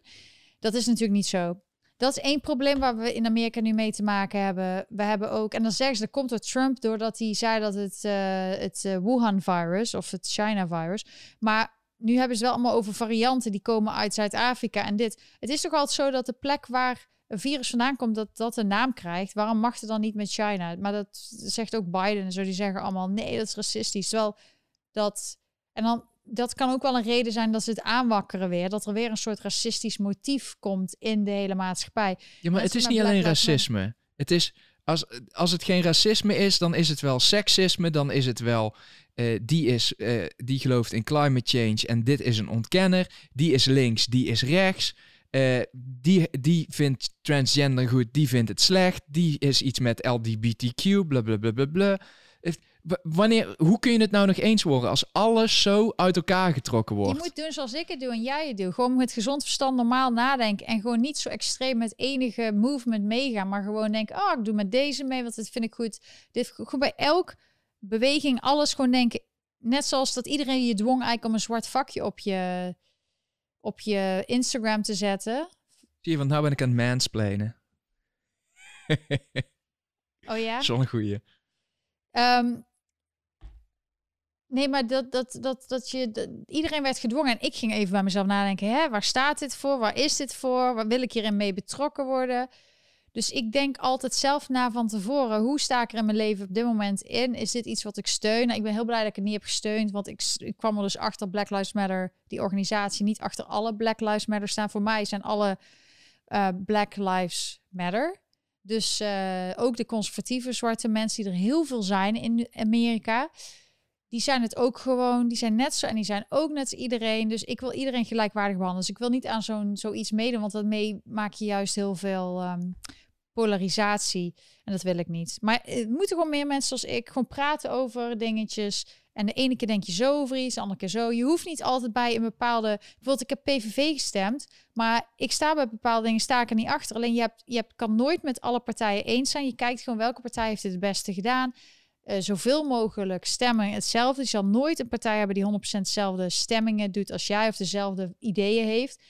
En dan zeg je gewoon: Ik vind dit goed, maar ik ben wel tegen dit. En dat is hetzelfde bij alle andere partijen. Je kan met bepaalde dingen eens zijn. En dan doe je bij andere dingen, zeg je weer: Ik. Um, de benen zichzelf heel erg aan het wassen in de achtergrond. Zie je dat? Nee, dat zie je bijna niet. Oh. Maar in ieder geval, Beni, Gaat lekker? Ja? Hij denkt, nou neem ik het er even van. Nou kan ik niet bekritiseerd worden. Oh, nou het begint de lamp ook ineens te knipperen. Ja, hij moet, uh, moet Disco in bad. Maar in ieder geval, je kan gewoon ook als je ergens bij bent, dat je je eigen mening hebt. En dat is ook jammer trouwens dat Splinter met Femke Merelverkoot Arissen niet in de Kamer is. Want ze zei ook, ik wil dat iedereen gewoon los van de partijdiscipline, wat dus heel erg is bij VVD. Want het zijn eigenlijk allemaal grijze muizen die uh, bepaalde meningen hebben en, en, die ze niet mogen delen. Want je moet daar een beetje geïndoctrineerd worden eerst door de VVD en misschien andere partijen hebben er ook. Dat je alleen maar meepraat met wat de VVD wil. En dat hebben ze heel goed geregeld. heel veel partijdiscipline. En het is, ja, je hebt 150 Kamerleden en iedereen moet individueel zeggen wat zij vinden. Niet per se voor de, voor de partij, maar ja, er is heel veel partijdiscipline. En ik zag iemand zeggen, oh Hans, dat is volgens mij een uitspraak van Robert Jensen. Toen vroeg iemand anders, hoe heet Hans zijn vrouw? Nou, dacht ik meteen Grietje. Maar uh, iemand zegt dat ik heel naïef ben op sommige vlakken. Nee, daar kies ik voor. Ik weet heel veel. Alleen ik filter het in mijn hoofd. Ik krijg zoveel informatie altijd binnen van mensen. Maar als jij helemaal gek wordt van alles wat echt wat erg is en wat, dan kun je niet meer focussen op het beter maken en proberen voor de mensen die er niet in geloven of die, die het niet weten, om in te zien dat, dat er iets niet goed gaat en om te zorgen dat je allemaal bij elkaar komt tot dat iedereen wil toch het doel van het leven is toch dat we met elkaar sterker worden en een fijne samenleving hebben. Het is toch niet de bedoeling dat we elkaar kapot maken. Als dat het bedoeling is van het leven, dan moet iedereen lekker doorgaan. Maar ik heb het gevoel dat iedereen, iedereen heeft een bepaalde verwachting van het leven. En daar horen gewoon bepaalde... Ligt altijd te hoog. Die ligt altijd te hoog, maar er zijn waarden en normen en ook manieren hoe je met elkaar in een fijne samenleving wil omgaan. En dat, dat moet gewoon ons doel zijn. En daar focus ik op. Dus je kan het aan de ene kant naïef noemen, maar ik filter gewoon dingen. Omdat je kan niet alles wat een probleem is aanpakken. Je moet focussen. Dus zoals nu focus ik op het demonstratierecht en de verkiezingsuitslag. En die verkiezingsuitslag valt tegen.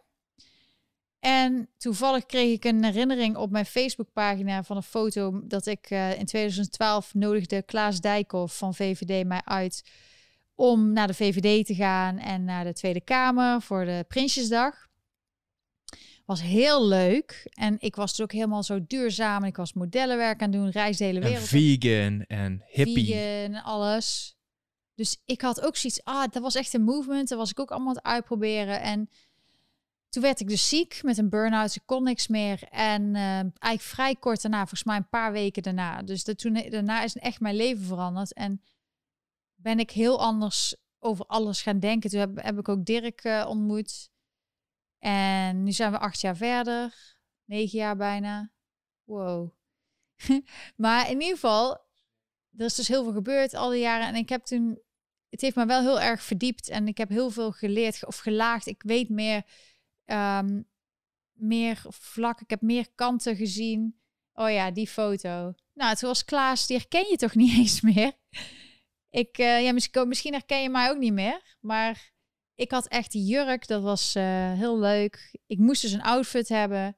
Dit is trouwens voor de troon van uh, waar de... Dit ben ik niet. Nee, maar in ieder geval, dit is... Dit is... Uh, even kijken, Ehm, dus in 2012. En dat was het laatste jaar dat Beatrix de troonrede deed, volgens mij. Nou, Maxima zag er weer top uit. Willem-Alexander heel leuk om mee te maken. Toen kon je nog allemaal dicht bij elkaar staan. Die jurk had ik in de vintage winkel gevonden. En die hoed ook. Echt super deal. En um, toen werd hij ineens, een paar jaar later had ik nog zoiets van... hij wordt uh, staatssecretaris van Veiligheid. Ik had helemaal positief. Ik dacht echt het is... Een eerlijke man op een goede plek. Ja, ik denk echt dat gaat helemaal goed komen. En de VVD en... Ik had helemaal hoop. Alleen toen, in 2018, kreeg ik last van de Belastingdienst. Uh, omdat zij mij ineens raar gingen behandelen en wetten overtreden. Terwijl ik de wet had gevolgd, volgde zij op meerdere vlakken de wet niet. Toen ben ik ook met die mensen van de toeslagenaffaire, toen ben ik helemaal gedwongen eigenlijk twee jaar lang een studie moeten doen over de overheid en de Belastingdienst en juridisch, samen met Dirk. Het heeft echt heel veel van ons ja, kapot gemaakt. Heel veel geld van ons afgenomen. Allemaal wat wij voor een potje voor, om, om ons leven te kunnen financieren. Nou, dat is dus allemaal weggevaagd. Um, en wat kun je dan doen? Accepteren en denk ik ga verder en dan gebeurt er niet meer. Maar ze zijn op dit moment alweer fouten aan het maken bij mij in mijn zaak. En ik ben niet de enige. En dus wij vechten terug. Wij willen dat dit stopt. En dan kom je dus ook achter hoe alles werkt. De Rutte-doctrine, de leugens in de Tweede Kamer, bij de enquêtes en zo. Nou, dan komt er eigenlijk op neer dat als je... Je komt erachter dat er op laag niveau onder ambtenaars dat er gelogen wordt. En dan hoor je op een gegeven moment van zo'n Rutte-doctrine. En dan kijk je die, uh, die hoorzittingen. En dan hoor je leugen op leugen op leugen. En dan... dan je, je kan je... Kijk, dat het op laag niveau gebeurt. En dat een, een, een klein groepje mensen daar last van heeft. Maar dus dat het zelfs op kamerniveau gebeurt. is gewoon te ziek voor woorden. Dan is het gewoon rot. Ja, en dan zijn heel veel mensen, nee, maar als jij netjes in Amerika aangeeft in Nederland, dan heb je toch geen probleem en dan kun je dat toch laten zien. Ja, dat dacht ik ook. Ik denk dat is makkelijk. Alleen als jij met mensen te maken hebt die niet eens een Amerikaanse aangifte kunnen lezen en die hebben zoveel macht over je en die maken je leven kapot, dan heb je, heb je een probleem. En dit is niet alleen bij mij. Er zijn heel veel mensen, er zijn heel veel mensen met verhalen ook gekomen bij mij, die zeggen: Ik kan gewoon er is geen recht meer, er is geen recht te halen. Ze, ze persen je af. Ze volgen de wet niet. Er zijn gewoon mensen daar in, op dat niveau, die ambtenaren, die helemaal losgeslagen zijn. En die gewoon maar hun eigen wetten maken. En het is ook uit WOP-verzoeken naar boven komen. Wat doe ik dan? Wil ik dan dat. Ik weet dat ik er nog, als ik er niks aan doe, dat ik er de rest van mijn leven last van heb. Terwijl ik niks fout heb gedaan. Maar dus dan ga je aangifte doen, dan ga je al die dingen doen. Nou, OM heeft nergens zin in. Dus uh, daar hoef ik ook niet veel van te wachten.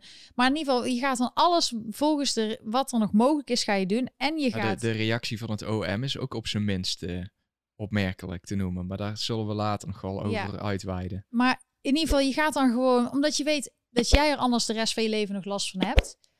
En andere mensen, want ze gaan gewoon door. En die mensen zitten er nog, die gaan gewoon s'avonds naar bed.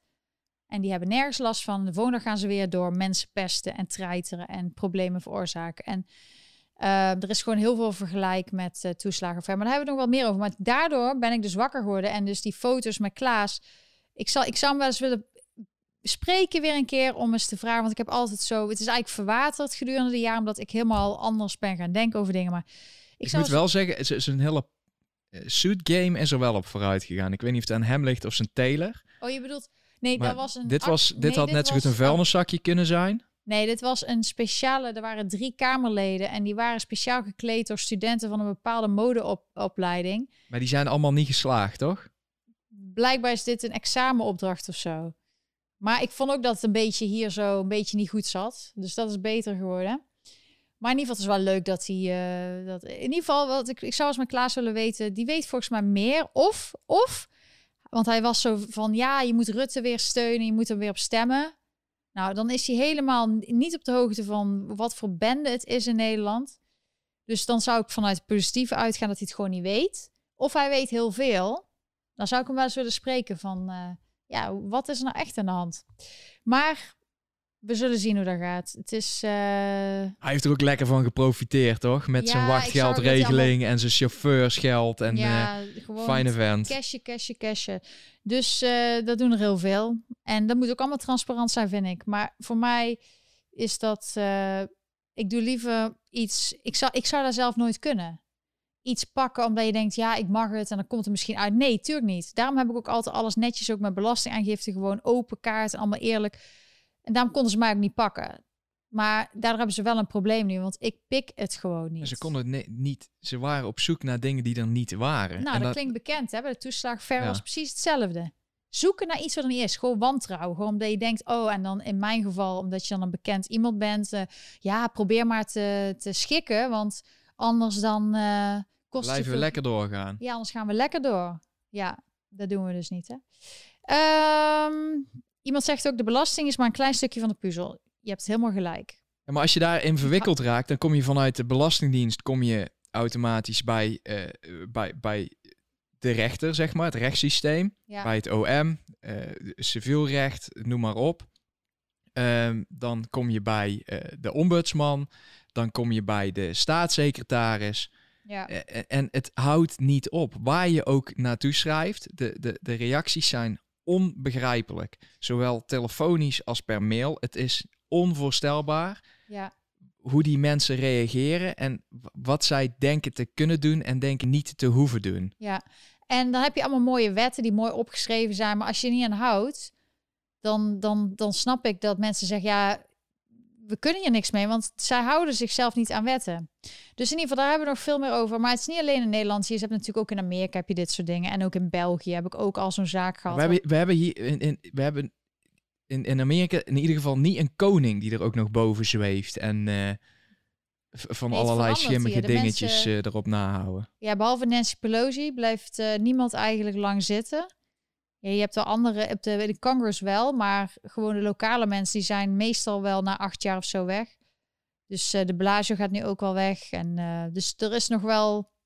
En ook je hebt in Amerika bijvoorbeeld zo met belastingssysteem, wat dus bijvoorbeeld die ambtenaren ook zo dom niet wisten, is dat je dus staat, je betaalt state tax, city tax. Dus New York City is een van de duurste in Amerika plekken om, om te wonen. En dan betaal je misschien met alle real estate tax en alles bij elkaar meer als je in de hoogste schaal in Nederland betaalt. Dus daar ga je echt niet wonen als je iets zou willen, willen verdoezelen of zo.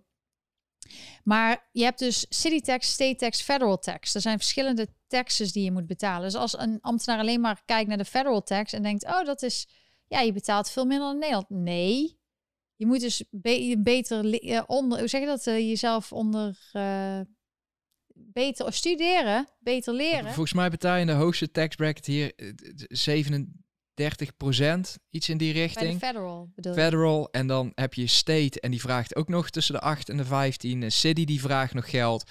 Dan heb je daarnaast heb je nog uh, real, estate, real estate taxes. Als je voor jezelf werkt, dan heb je self-employment taxes. 15% over alles wat je verdient en alles wat je dan nog overhoudt. Daar moet je dus uh, die 37% over betalen. Uh, je hebt capital gains tax voor als je uh, iets dividend of iets krijgt of je verkoopt je huis. Dus het is hier aanzien. Ik denk dat het hoger, de belasting hier hoger ligt onder de streep dan in Nederland. Je hebt hier alleen heel veel aftrekposten, maar daar moet je wel gebruik van kunnen maken. Ik, kan, ik heb bijna nul aftrekposten, want ik heb bijna niks nodig. Nee, maar in ieder geval, dat is dus. Uh, maar daarvoor ingenomenheid is gewoon heel bijzonder. Gaan we nog vaker over hebben. Ik heb er nog heel veel over te vertellen. Allemaal shocking dingen. Ik zie dat je lekker met veel mensen kijken. Vind ik altijd heel gezellig. Dus ik zou zelf ook, uh, en deel het ook met mensen, als je bijvoorbeeld bepaalde kanalen hebt die live dingen doen of dingen bespreken, zoals vind ik bijvoorbeeld een oorlograce verloren, die hebben het altijd heel interessant over onderwerpen. Zo zijn er veel mensen in Nederland die, die, die, die willen onderzoek, onderzoek doen zelf naar bijvoorbeeld uh, de hele corona, uh, van hoe het nou eigenlijk zit. Vind ik ook interessant, maar ik, ik focus liever even op rechten van mensen, mensenrechten. Mensenrechten is voor mij heel belangrijk. Dierenrechten, mensenrechten, gewoon de basis. En vanuit daar kun je de rest aanpakken. Maar als dat, die basisdingen niet op orde zijn, dan is er geen land, is er, geen, is er niks. Um, die vind ik goed, om die Pieters nieuws dat hij gewoon daarheen gaat. Ongehoord Nederland. Ik uh, ben benieuwd hoe, wat mensen nu gaan denken als het weer acht tot tien weken doorgaat. Want hier in New York gaat alles open. En New York is al zo extreem. Want ik kreeg ook een video gisteren van iemand die zei: Kijk, ze hebben dus zo'n uh, bill daar ze over aan het praten zijn. Dat dus vaccinaties mandatory worden, dat gedwongen. En dat de governor kan beslissen over mensen. Uh, die bill is er inderdaad, wordt over gesproken. Ik weet niet wat de status is nu. Maar je hebt ook een, daartegenover een andere bill die zegt weer: het mag nooit mandatory worden. Dus die worden allebei besproken. En dan misschien één wordt er getekend en de ander niet. Uh, als dat gebeurt, ga ik natuurlijk naar Florida. Daar willen we sowieso naar kijken. Ik ben heel veel in Florida geweest, Dirk nog nooit. Dus we gaan uh, wel een keer een tripje maken naar Florida. Met Been, die gaat lekker mee, met Dirk. En dan gaan we daar kijken. Kijken of Dirk het ook leuk vindt. Um, ja, en ook qua temperatuur en alles, want het is er allemaal net wel anders. Dat um, om daarheen te gaan, maar het is heel duur aan het worden, hè, want iedereen wil er wonen. Want het is gewoon Governor DeSantis, die heeft gewoon alles open. En de aantal doden is gewoon niet veel hoger. En het is allemaal wat rustiger daar. En iedereen heeft gewoon een leven. Dus iedereen ziet dat gewoon eigenlijk als ideaal. Van, hij heeft het toch aangedurfd om gewoon common sense, een gezond verstand Ehm, oh ja, ik zie ook Black Box. Iemand volgens mij die uh, Blue Tiger Studio is een goede om te kijken. In Amerika C-SPAN voor de live um, ja, hearings en alles wat er in government gebeurt. Zonder dat er echt mensen doorheen praten. Is heel fijn. Uh, ik zou eerst zeggen Witte Huis, maar bijvoorbeeld zo'n Pieters Nieuws, die had dus gisteren meer kijkers dan het Witte Huis press secretary in Amerika. Dus ja, soms zullen ze wel meer hebben, maar ik zat één keer te kijken, toen keken er maar iets van uh, eh, 800 mensen en die Pieters Nieuws had op een gegeven moment 2000 mensen aan het kijken. Dus ja, wel bijzonder. Uh, Trump, dat is heel groot nieuws, zijn campagneleider of medewerker, ben ik even zijn naam kwijt, maar die heeft dus vandaag uh, gezegd, of gisteren, dat Trump zijn eigen netwerk gaat beginnen. Op uh, binnen twee drie maanden gaat hij een groot eigen platform beginnen, een soort Twitter. Ze waren al met namen bezig. Iemand zei al Catturd, dat is zo'n grappige account op Twitter. Die zit ook op Gap trouwens. Die had gezegd, uh, wat, wat voor naam zou jij uh, geven? En toen zei ik meteen Triumph. T-R en een kleine I, U-M-P, kleine H. En hier is wow, that's amazing, that's a winner. Ja, want dat klinkt positief, van overwinnaar. En er staat Trump in. En dan kun je misschien ook nog iets zeggen met de I en de H, dat er iets voor staat. Ja, of iemand zei ook Free MAGA of uh, ja. Dus Trump die wordt gewoon zelf een uh, tech tycoon. Ja, en hij gaat gewoon een soort ook tweedelingen maatschappij voor het denk dat er komt. En iedereen zal natuurlijk ze zijn obsessed met Trump. Het is niet zo dat zij, al die mensen die hem haten, dat ze niet op dit netwerk gaan zitten. Die gaan natuurlijk op dat netwerk kijken wat er is. En dan gaan ze op die andere netwerken, zoals Twitter, gaan ze zeiken erover. Ehm, de haat en de liefde voor hem is zo groot. Hij is de grootste ster ter wereld. En ik kan niet wachten. Hij heeft al wel bijvoorbeeld op Gap zie je wel eens dat hij dingetjes post. Maar ik ben benieuwd wat hij gaat doen. Maar uh, de Trump... Ja, maar post, post hij echt op Gap? Want er staat nog steeds is reserved voor Donald Trump. Ja, maar er staat dan wel dat zijn teksten wat hij heeft gezegd... staat niet bij dat het een statement is. Er staat dan gewoon een tekst wat hij vindt. Dus ik weet niet, maar ik volg het in ieder geval op Gap. Interessant. Um, ja, mensen die onderzoek doen, dat is gewoon belangrijk. En als... Dat is dus wat je in Amerika ziet. En dat moet Nederlanders ook doen als ze het je, je onmogelijk maken op één platform of om iets te doen, dan moet je andere manieren vinden. Net zoals in het verzet vroeger waren mensen dat ze meerdere eigen manieren vonden om, om de um, ja, om hun dingen te doen. Dus over een tijdje gaan we gewoon weer allemaal postduiven houden. Nou, postduiven is een beetje extreem. Maar je, hij gaat gewoon, oké, ik word van een platform afgehaald. Want ja, ze zeggen hier allemaal, private company mag doen wat ze willen. Terwijl het gewoon een monopolie is. Dus denkt hij, ik ga het gewoon zelf doen. En misschien heeft hij ook met andere platforms gepraat en kan hij niet helemaal volgens zijn eigen. En heb je risico dat het faalt, maar je hebt ook heel veel kans dat het succes wordt. Maar als je niet doet, dan verandert er niks. En wat je nu in Amerika ziet, is dat heel veel mensen eigen bedrijven als tegenhangers gaan beginnen. Nee, maar ze hebben zelfs je kan zelfs de Trump's Twitter-account staat niet alleen op slot. Het is ook gewoon helemaal dichtgegooid. Hij, je kan helemaal niks meer zien van wat hij gezegd heeft. Bijzonder. Ja. Zou dat, is, valt dat niet onder historisch erfgoed? Ja. Maar ze willen toch in Amerika de historie eraseren. Die willen ze toch weghalen, wegvagen. Ze willen gewoon niks meer. Ja, ja maar nu, nu kun je, nu zouden ze in principe uh, hem gewoon woorden in de mond kunnen leggen. Want ze kunnen gewoon zeggen, ja, maar hij heeft toen dit op Twitter gezet en het is niet meer na te gaan. Dus ik mag hopen dat iemand daar een, een backup, van heeft nou, gemaakt. Volgens mij is er een backup bij Gap, geloof ik. Die hebben volgens mij een... Ja, iemand zegt al, een, uh, Gap heeft een kopie. Ik vind zelf Gap ook fijn. Dus ik, op zich had ik net zo goed gevonden als ze bijvoorbeeld op Gap uh, zouden zijn. Ik zag dat, uh, dat er wat mensen op Twitter zeiden dat Gap heel extreem rechts is. Nou, ik weet niet waar ze het vandaan halen.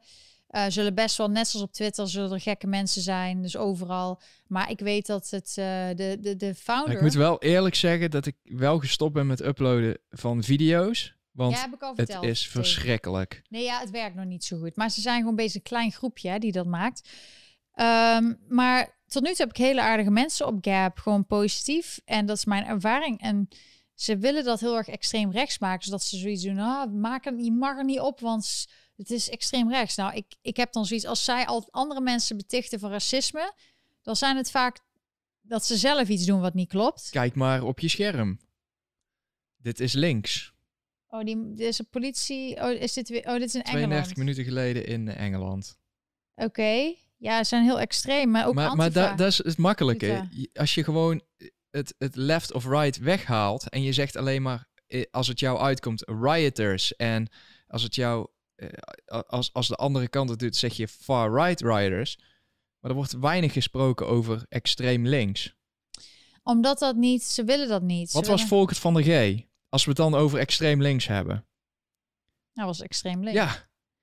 Maar, hoe, hoe extreem? Wat is het? Dat is een van de meest extreme Ja, dingen dat die er in Nederland niet, gebeurd hij is. werd uit de weg geruimd, eh ehm, Fortuyn, en die wilden ze niet. Die mocht dat niet. Is grootste schande. Het is een 9-11 van Nederland. En de meeste Nederlanders voelen dat niet meer zo. En ik vind het heel knap van de media en Rutte dat hij iets allemaal flikt. Eh, ze werken ook allemaal samen erop. Je hebt alleen maar een paar uitzonderingen van journalisten die echt, eh, die echt hun werk doen. Maar het is gewoon heel knap van de, de, de media en Rutte en zo. Dat ze Geert Wilders zwart maken. Dat ze Baudet proberen zwart te maken. Nou, en gisteren Het is waren wel het... moeilijker, hè? En dat Volks van de G, dat hij gewoon Fortuyn heeft vermoord. Is, zijn er andere landen in de wereld... Dus ook zeg je vaak, dat is een banaanrepubliek... waar een kanshebber voor de premierschap wordt vermoord... net voor de verkiezingen. Dat is gewoon een 9-11 van Nederland. En daar wordt gewoon weinig over gehad. Maar, Maar hier zie je ook nu met deze beelden. Gisteren was er een, een, een eh, wat is het, demonstratie, een optocht eh, van mensen die tegen de lockdown waren. En Ja. dat zijn over het algemeen worden die weggezet als de wappies en als de eh extreem rechtse beweging. Naar mijn weten is, de, is dat niet geëscaleerd. En nou hebben we hier een eh links protest.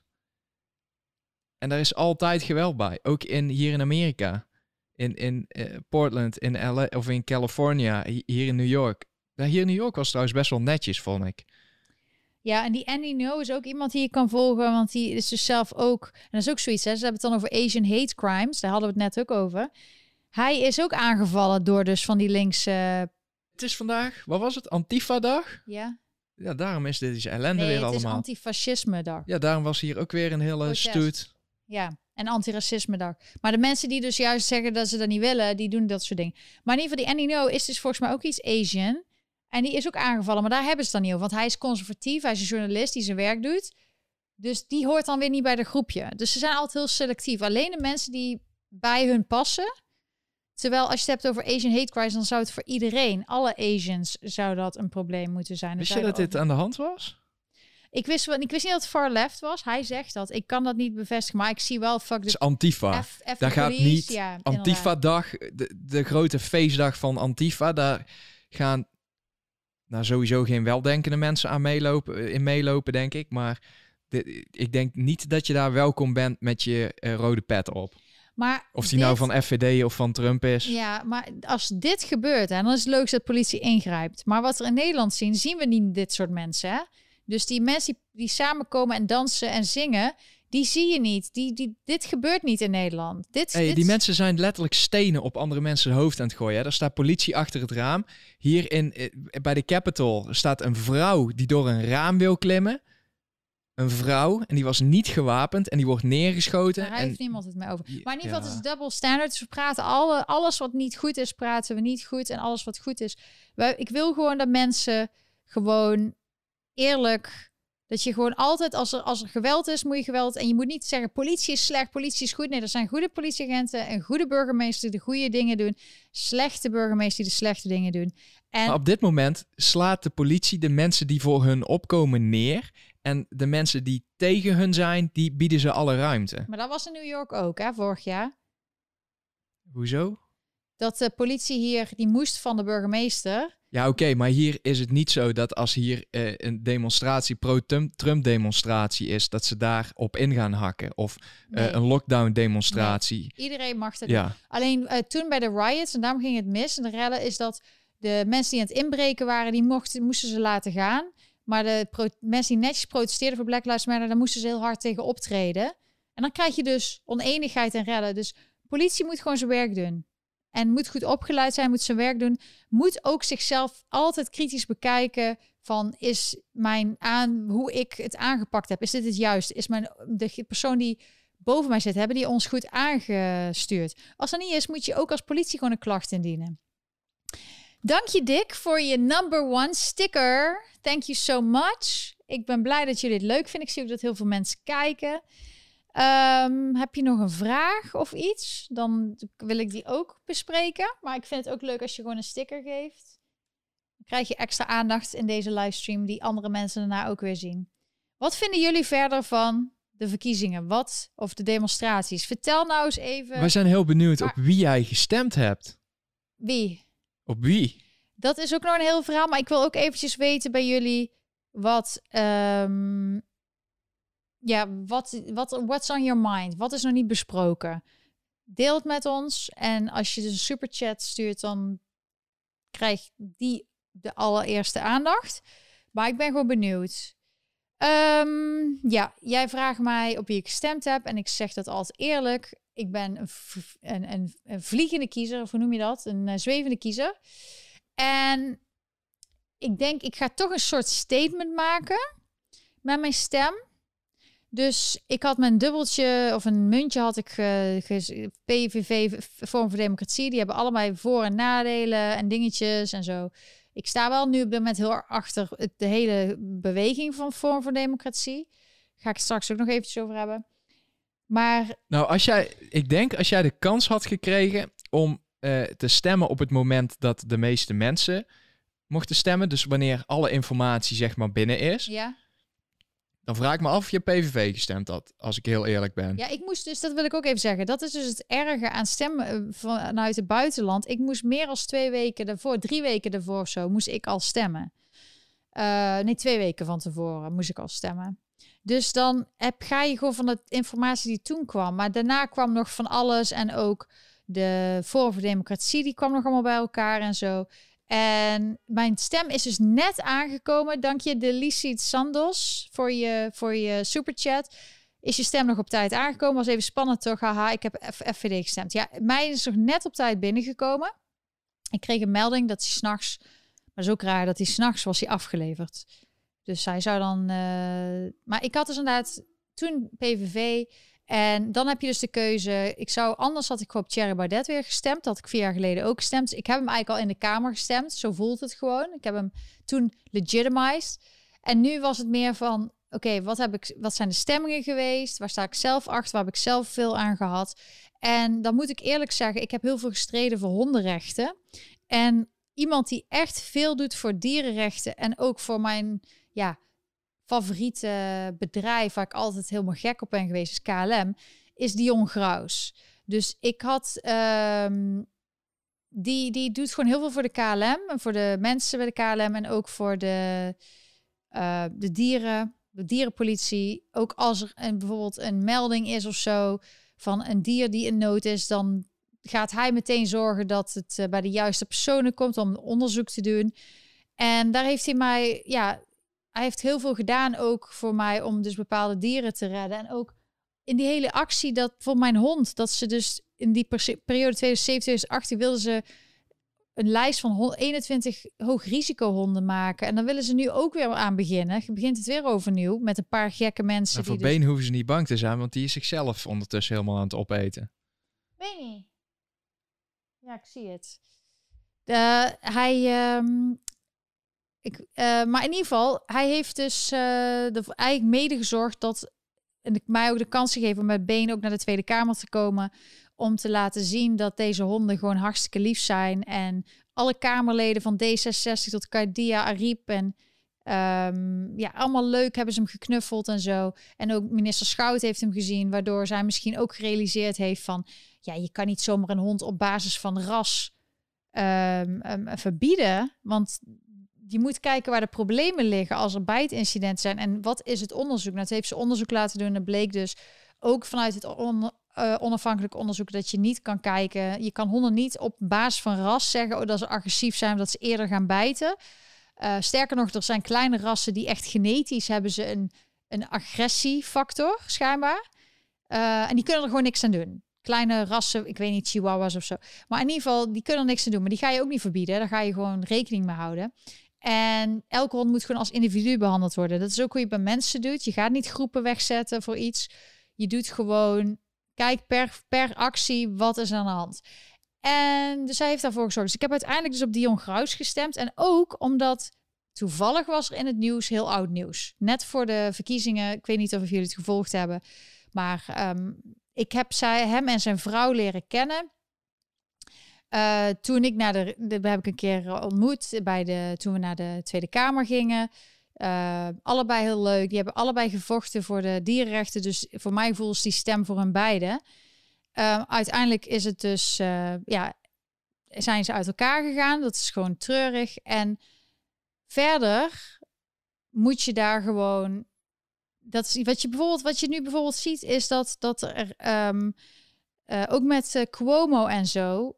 Er worden heel veel allegations gedaan en zo. En je moet gewoon rustig, als je er niks mee te maken hebt, moet je gewoon je er eigenlijk buiten houden en het laten, gewoon de officiële weg, het laten um, uitspelen. Maar dat de media het net voor de Tweede Kamerverkiezing naar buiten bracht, was natuurlijk ook om de stemmen te. naar buiten bracht, gewoon weer op, op proberen te raken. Want volgens mij was het gewoon helemaal afgerond. En dan beginnen ze weer over hetzelfde. En dat is bij Baudet ook. Er komt elke keer toevallig iets raars naar boven. Als er, ja. Maar ook die, bijvoorbeeld bij Baudet met die, met die sms'jes. Luister. Dat was bij FVD, VVD heeft zelf ook die sms'jes gehad, hè, met de jongerenvereniging. Dus alleen daar komt het niet zo in het nieuws. Daar is niet zoveel gezeik over. En dan bij Baudet wel. Maar dat is gewoon dat ze de stemmen willen beïnvloeden. Ja, maar, als, het, als, als, als ze niet iets op hadden kunnen rakelen, dan hadden ze het wel weer zo gespeeld dat, eh, net als eh, vier jaar geleden, dat ze om bepaalde redenen, wellicht dreiging, geen campagne meer mogen voeren. Ze hadden altijd wel weer iets gevonden. Dit, het, kijk, je kan zeggen conspiracy, conspiracy en uh, doemdenkerij en weet ik het allemaal. Maar kijk nou gewoon eens terug naar al die jaren wat er telkens rond de verkiezingen in de media komt, wat er allemaal gebeurt. Als dat één keer gebeurt, dan dat kan. Dan is het de, per toeval kan dat. Maar het kan niet telkens voor de verkiezingen dat er elke keer toevallig bij de oppositie een schandaal is. Uh, dat ze verwikkeld zijn in dingen, dat er dingen opgerakeld worden. zo werkt het niet. En toevallig net rond de verkiezingen zijn er dreigingen. Uh, Baudet die, uh, heeft iemand een handje gescheurd. Doe nou eens normaal. Waarom Rutte die is toch ook niet vervolgd? Die heeft op het podium iemand een hand gegeven. Dat is gewoon, heeft hij geïnitieerd. Staat op beeld. Nou, ja, maar zeg het hij, maar. hij komt overal mee weg. Maar in ieder geval wat ik dus wil zeggen is... je weet dus nu dus allemaal met dat er heel veel in de media... en dat er uh, vrouwenrechten en mannenrechten... en uh, sexual allegation dit en dat. En de, uh, ik probeer altijd gewoon... Ik heb ook in mijn uh, mensen meegemaakt die vals beschuldigd worden. Mensen die terecht beschuldigd worden. Je moet het gewoon niet je moet alles gewoon proberen afstand te nemen en gewoon kijken naar de feiten. En ik heb dus gestemd op Graus puur om de stemmingen waar het om gaat. Want het zijn uh, volksvertegenwoordigers, zitten in de Kamer om ons te vertegenwoordigen. En die doen stemmen en die komen met moties. En degene die de beste moties en de stemmingen en met alles uh, gewoon... Als ik dan toch PVV stem, heb ik dus uh, daarop gestemd. Omdat ik, ik stem gewoon voor acties. Waar, wat er is gebeurd.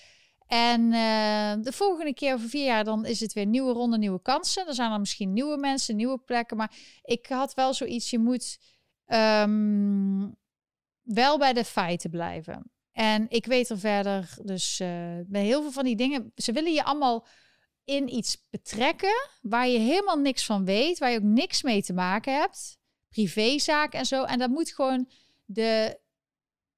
En dat wil ik dus in het algemeen zeggen, ook met al die sexual allegations, waar heel veel mensen boos over worden die er niks van weten, want je was er niet bij, je weet het niet. Blijf alsjeblieft rustig en naar buiten en laat het gewoon uitspelen. Dat je rustig achteraf kan kijken van wat er nou gebeurt. Misschien soms is het voor de rechter, zoals Cuomo, die zal zich moeten voor. Ja, en dan ga je maar gewoon die, die rechtszaak kijken en dan uh, de uitspraak of zo. En dan kun je je mening vormen. Maar mensen zijn veel te snel met een mening klaar en zo. En ik je ja, maar het lijkt ook of mensen uh, gewoon een heel slecht geheugen hebben. Net als vissen, die, was het, die hebben twee seconden geheugen of zoiets, zeggen ze altijd. Het is net of, de of, of, of mensen, maar uh, drie, drieënhalf jaar geheugen hebben. Want alles wat er daarvoor gebeurd is, is blijkbaar niet meer uh, relevant. En we beginnen gewoon weer opnieuw. Ja, en dat is ook... Op een gegeven moment zie je een patroon. Ik, weet, ik snap als je niet geïnteresseerd bent in politiek en je, je bent nog jong, dan, dan heb je die cyclus niet zo vaak, nog niet zo vaak meegemaakt. Maar als je op een gegeven moment uh, midden twintig bent, dan moet je op een gegeven moment toch wel uh, zien dat dingen zich herhalen. Ik, um, ja, en, en is propagandatechniek is ook om dingen te herhalen. Dus dat moeten wij ook doen. We moeten heel te blijven herhalen. En ik had dus inderdaad moeite. Ik wist niet wie ik moest stemmen. Ik keek gewoon naar de stemmingen van de afgelopen vier jaar. Wat er ook gebeurd is, de bewijzen ook uh, gewoon. Wat ik zeg over Rutte is gewoon feit. Is gewoon over dat hij veroordeeld is voor racisme. Is gewoon door een rechter zo gezegd. Um, ik heb zelf dus ook ervaring met de Rutte-doctrine. Ik heb zelf, dus ik kan uit ervaring spreken. Maar als ik er verder niet veel ervaring heb, dan kijk ik of livebeelden of doe heel veel onderzoek. Ik ga niet zomaar een mening geven over iets of over iemand, omdat je gewoon het fijne vaak niet weet. En je wil vaak niet achteraf denken: oh shit, uh, of dat woord mag niet zeggen. Um, wat heb ik. Um, wat heb ik nou gedaan? Wat heb ik nou voor gestemd? Maar iemand zei: de dierenpolitie is er niet meer. Maar volgens mij is die er nog wel. Want ik zie ze nog wel eens voorbij komen. Ze hebben misschien niet zoveel mensen meer. Dat ze, maar dat, daar, komen ze bij de PVV gaan ze er wel nog voor zitten om daar nog flink mee aan de slag te gaan. Um, dus je moet altijd eigenlijk ook kiezen voor wie jij, wat, wie jou het meeste helpt. De een heeft bijvoorbeeld een, uh, zeg je dat, waaijong-uitkering. Nou, er is er misschien een partij die daar heel erg voor opkomt. Uh, als je een pensioen hebt en dan wordt afgenomen door Europa, dan wil je misschien een andere partij. Dus dan moet je ook een beetje kijken. Daarom zei ik ook tegen mensen, luister niet naar wat ze zeggen. Kijk naar wat ze gestemd hebben. En dat is belangrijk. Um, ja, dus dat is uiteindelijk de reden waarom ik dus uh, 14 dagen geleden gestemd heb. En dan in ieder geval als je niet stemt, sommige mensen zeggen, ik ga niet meer stemmen. En ik snap het, het is frustrerend. Maar ik heb zoiets, ik keek vroeger altijd het programma Geef Nooit Op van Peter Jan Rens. En dat is toch wel een beetje mijn motto. Ik geef gewoon nooit op. Tot het einde van mijn leven. Zelfs als je er zelf kapot aan gaat. Ja, dan, dat is een hele nobele, maar ook zeer destructief uh, kenmerk van jou. Ja. ja. Zelfdestructief. Ik kan gewoon niet leven met een leugen. Dat vind ik gewoon heel moeilijk. Um, maar het is gewoon, als ik iets er veranderen kan, dat het beter wordt voor mensen en dat de waarde naar boven komt. Dan het probleem is gewoon dat de wereld niet zo werkt. de, wereld, dat ze, jouw jurist heeft dat heel goed gezegd. Die, zijn, die zegt er is geen recht, er zijn alleen resultaten. Ja, maar bijvoorbeeld, ik ben dus ook in mijn modellenwerk altijd heel erg. Uh, noem je dat? Rechtlijnig geweest. En ik bijvoorbeeld, als ik gevraagd had voor bijvoorbeeld een bekend chocolademerk campagne te doen, dat is heel veel geld.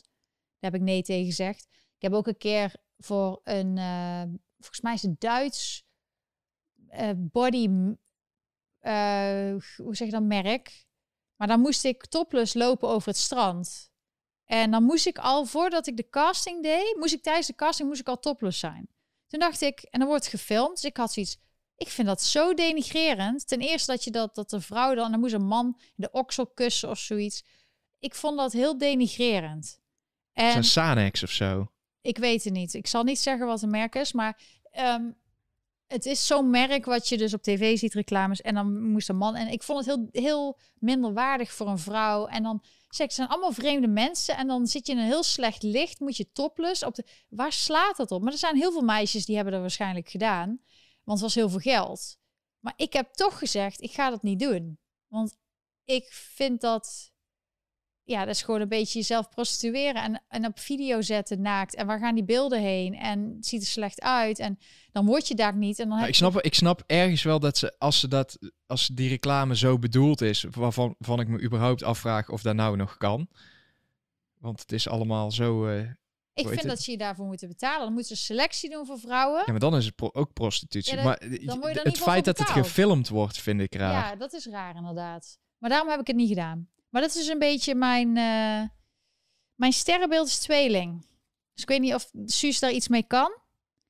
Maar in ieder geval, ik had dat van jongs af aan ook al op school. Ik was altijd als iemand, als iemand een... Uh, als een kind werd gepest of zo. Ik werd zelf ook gepest. Ik kon daar gewoon niet tegen. Er was iets in mij dat ik kon niet voor. Ik zou niet met iemand meelopen als het als die persoon niet, niet eerlijk was of niet. Of kinderen pesten of zo. Je hebt van die mensen die willen graag leuk gevonden worden. Ik had het niet. Ik was heel blij met mezelf. Gewoon alleen thuis. Uh, thuis s'avonds verhalen schrijven. eigenlijk nog steeds tekenen. zo. Ja, ik ben niks voor. Ik ben eigenlijk nu weer helemaal terug bij mijn eigen ik. Daarom voel ik me ook gelukkig met alles wat er aan de hand is, omdat ik heb niks nodig. Het enige wat ik wil is gezond blijven. Ik ben blij met mijn hond. En ik geniet er ook van. Ik weet ook dat hij niet de rest van mijn leven bij me is. Dus ik geniet er elke dag van. Dirk en ik, we, zijn, we proberen gewoon elke dag het beste van te maken. En dat that's it, dat is genoeg. Dus als je zo al het genoeg vindt in het leven, je bent er tevreden mee, dan heb je ruimte ook in je hoofd om te zorgen dat andere mensen misschien ook beter leven hebben. En zo probeer ik elke dag te kijken hoe kan ik mensen helpen. Um, het is van bijvoorbeeld kleding weggeven. Ik kan niet zomaar kleding in een zak weggooien bij het vuil. Dat doe ik niet. Dan ga ik uitzoeken. Dan ga ik eerst mijn vriendinnen laten kijken. En dan ga ik het naar een shelter brengen. Of laatst had ik heel veel um, jeans bij een. Uh, hier heb je een park. En daar zijn dakloze mensen die worden dan. Die krijgen daar een baan. Zodat ze toch het gevoel hebben dat ze iets doen. Dat ze betaald krijgen. Maar die slapen s'avonds dus in de homeless shelter. En toen die man die daar dus alles regelt, die zei, ja, er is een vrouw en die heeft eigenlijk al kleding nodig. Als je ooit kleding hebt, kun je haar geven. Nou, toen had ik dus toevallig een merk broek of zo erin. En toen kreeg ik dus als terug als reactie, ze was zo blij dat ze eindelijk een merkbroek had. Een jeans. Uh, en een nieuwe, die, want die paste mij niet. Uh, als je geen model meer bent, dan ben je wat meer makkelijk met, uh, met ja, je lichaam. En dan hoef je niet allemaal super dun te zijn. Dus die broek past niet meer. En die was helemaal blij. Nou, dan ben ik zo blij. En zijn die kleine dingetjes in het leven, die maken me blij. Um, ja, het is ook, het is die wereld, de hele, en dat zei ook een vriend van mij die ook in de entertainmentwereld zit. Die zei tegen mij, Lonneke, je hebt echt geluk gehad met jouw carrière, want jij hebt gewoon en een chaperone gehad met je ouders, toen mijn vader toen jong, jong was. En daarna toen heb ik vooral Ralph Lauren en zo gedaan. En ik heb gewoon, ik was altijd heel erg, ik wil geen drugs, ik wil al die dingen niet. Ik zal er wel vaker over praten, maar ik wil ook niet allemaal mijn ziel verkopen voor iets. Ik wil gewoon goed werk leven. Ik zie het als een werk. Ik doe dat goed. En ja, gewoon bedrijven waar ik me mee kan identificeren. Tuurlijk maak je soms misschien wel eens een foutje en je denkt, als oh, had ik die opdracht wel moeten doen of het resultaat is raar. Maar ik ben over het algemeen heel tevreden over mijn carrière. Ik, heb, ik mis niks. En uh, ja, ik kan er in de toekomst wel meer over zeggen. Onze oude gast is weer terug. Wie? Jan. Ja, en hij, hij staat er zo aan van te kijken dat in Groningen veel mensen op de VVD gestemd hebben. Snap ik ook niks van. Jan, waar heb jij op gestemd? Ben ik wel benieuwd naar. Staat erbij. Ja, maar waar zit hij bij? Welke partij? Sandra, Sandra Beckerman. Um, misschien dat we op, een op deze vlak wel gelijk hebben. En uh, dat we... Bij de SP. Je hebt op de SP gestemd. Nou, die, nou, ik zal je zeggen, Jan, die stond in mijn top 5. Daarom is hij terug. Nou, Jullie hebben gewoon. Nee, maar bijvoorbeeld PVV zit heel dicht bij de SP als het gaat om stemmen.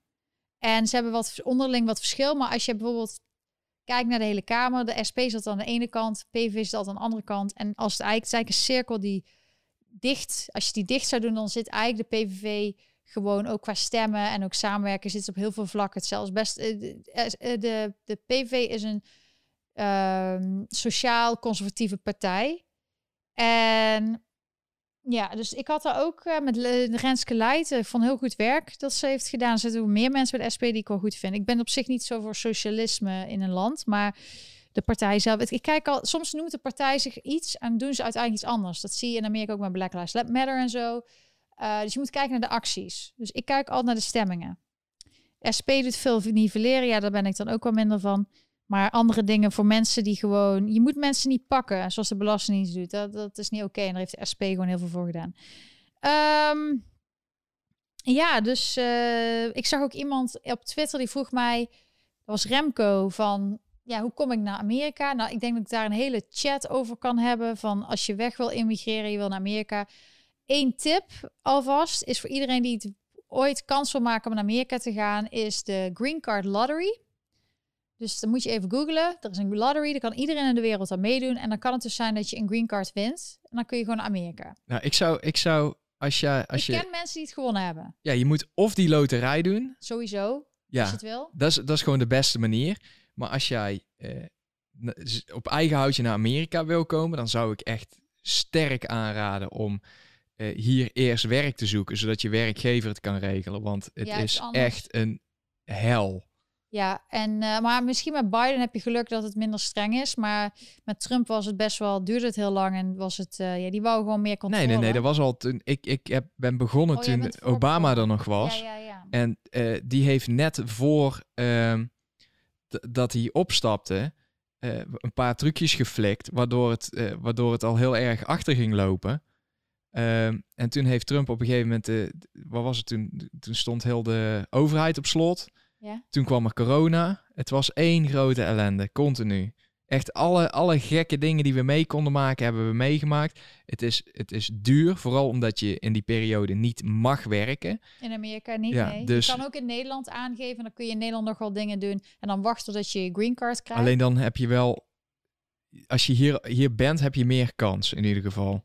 Trouwen met de Amerikaanse kan ook. Dan moet je eerst op een uh, K1-visa komen, geloof ik. Je hebt verschillende visa's. Maar dan, dan, ga, oké, dan ga je trouwen met een, uh, een Amerikaanse man of vrouw.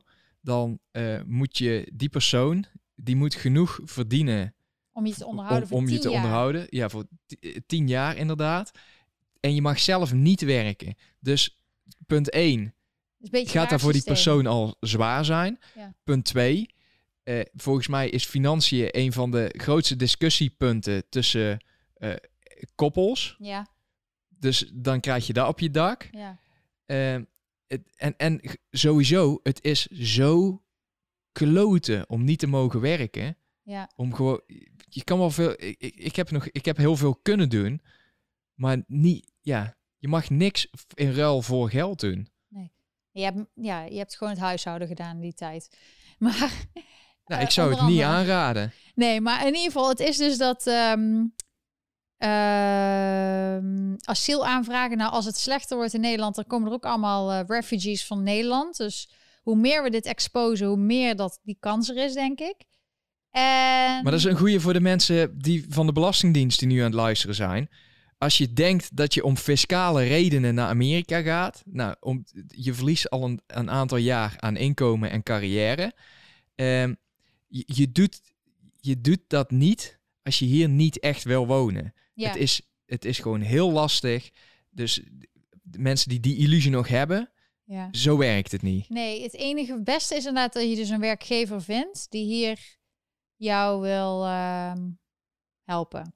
Maar we kunnen daar ook weer heel erg een uitgebreide live chat een keer doen. Kijk gewoon wat jullie, als jullie vragen hebben of jullie hebben bijvoorbeeld een super chat of je stuurt een PayPal of wat dan ook. En je hebt bijvoorbeeld een wens voor iets dan kun je dat doen. Dan gaat dat bovenaan de lijst. En dan kunnen we zoiets een keer doen.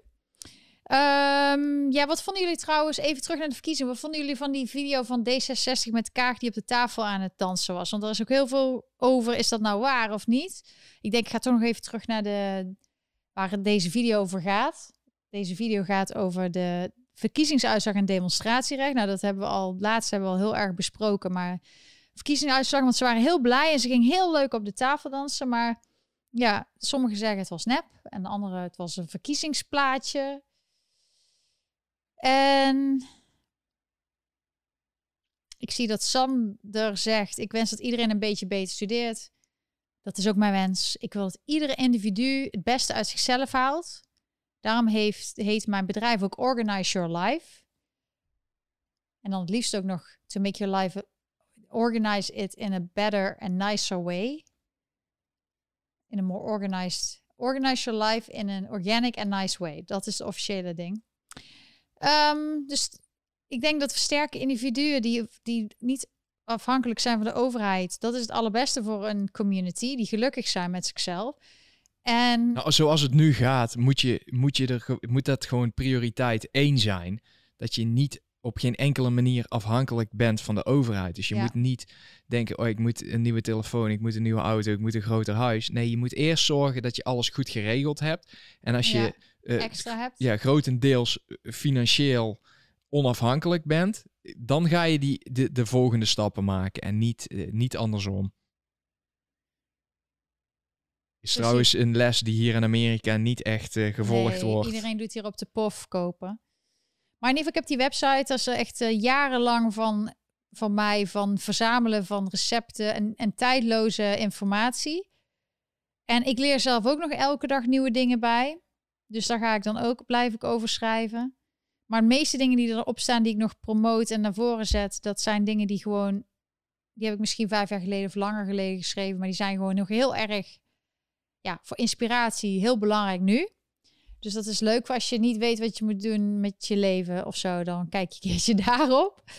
En uh, ik heb ook nog steeds mijn organizer en alles, uh, maar daar moet ik nog even aandacht aan besteden, want het was nu eerst dus de hele Trump-gedoe en toen was het de verkiezingen in Nederland. Dus nu zijn de verkiezingen geweest. We weten het allemaal. En nu is het dus de volgende stap. En dan ga ik mensen gewoon helpen om, ja, gewoon hoe ik er naar kijk. En tips om hoe je leven, hoe je zelfstandig kan worden. En hoe je dingen kan leren. En ook hoe je andere mensen misschien op een normale manier met ze kan praten. Want inderdaad, iemand zei er is te veel polarisatie. Mensen praten niet meer met elkaar. Maar we moeten, net zoals Jan Jan, die haat Trump en die is helemaal blij met Biden. Ik hoop dat hij ook nu nog blij is. Maar die was dus heel veel aanwezig vorige chats om over Trump te zeuren. En hij is er dus nu weer. Hey, en ik toevallig vind... hebben we dezelfde mening over de SP. Nou, en, maar ik ben wel verbaasd, want uh, zo goed als dat het hele Trump-verhaal allemaal in de conspiracy-hoek uh, geduwd werd, ja. zie ik nou toch wel uh, enige twijfel ontstaan. Het wordt in plaats van Weber, wordt het bijna Wappie. Jan Wappie. Nee, nee maar, ik ben wel blij dat het... Ja, juist. En als je... Ik heb het idee dat als je hier had gewoond... Ja? En je had, het hier... Ja, dat, dat, dan had je dezelfde twijfels gehad als nu in Nederland. Ja. Precies, dus ik ben blij dat het, nu iets dichter bij huis komt. En misschien ergens. klopt het wel, hè, dat ineens Groningen VVD stemt en dat altijd SP is. Maar uh, twijfel is normaal en mag. Dat is democratisch. En als er een beslissing is genomen, mag je altijd vragen: is dit zo? Klopt dit wel? Mag ik het nakijken? Daar is niks mis mee. En misschien blijkt achteraf dat het helemaal klopt. Nou, dat is toch fijn voor iedereen. Maar misschien kom je wat foutjes tegen, maar misschien heeft het niet eens uh, een invloed gehad. En dat is wat in Amerika niet heeft mogen plaatsvinden. En daar hebben heel veel mensen gewoon een on, hoe noem je dat gevoel? Zo on, ja, het is unsatisfied. Dus eh, je hebt er geen, je hebt echt zo'n beetje rot gevoel, want het is niet besproken. En ik vind gewoon dat jij ook gewoon die vragen mag stellen. En misschien komt erachter dat dat, dat, helemaal klopt, maar misschien ook niet. Het is wel uh, raar. Of Groningen is GroenLinks. We hebben het niet eens over gehad. Dat hebben we wel gezegd in het begin inderdaad. Dat Biden de trap af. Ja, dat is ook een beetje gewoon die man is ouder en het is gewoon een beetje zielig. Ik ben niet, ik heb er video's geplaatst van mensen die er grappige memes van hadden gemaakt, maar ik heb er ook eentje geplaatst van het is eigenlijk heel jammer dat we grapjes erover maken, want het is gewoon een oude meneer en het gaat gewoon niet goed met Biden, fysiek enzovoort en misschien mentaal. Uh, er zijn heel veel vragen bij. Hij heeft nog steeds geen persconferentie gedaan. Ik weet niet of ze in Nederland daarover hebben gesproken, maar hier is het uh, al. Ze zeggen de volgende week komt het een keer, maar het is langste dat een president geen persconferentie heeft gehouden zonder. Hij is wel op tv geweest, hij heeft zo'n monitor ge, bekeken maar, en voorgelezen, maar heel vaak leest hij dan woorden verkeerd en heeft hij niet door dat hij dat zegt. Hij zegt ook President Harris.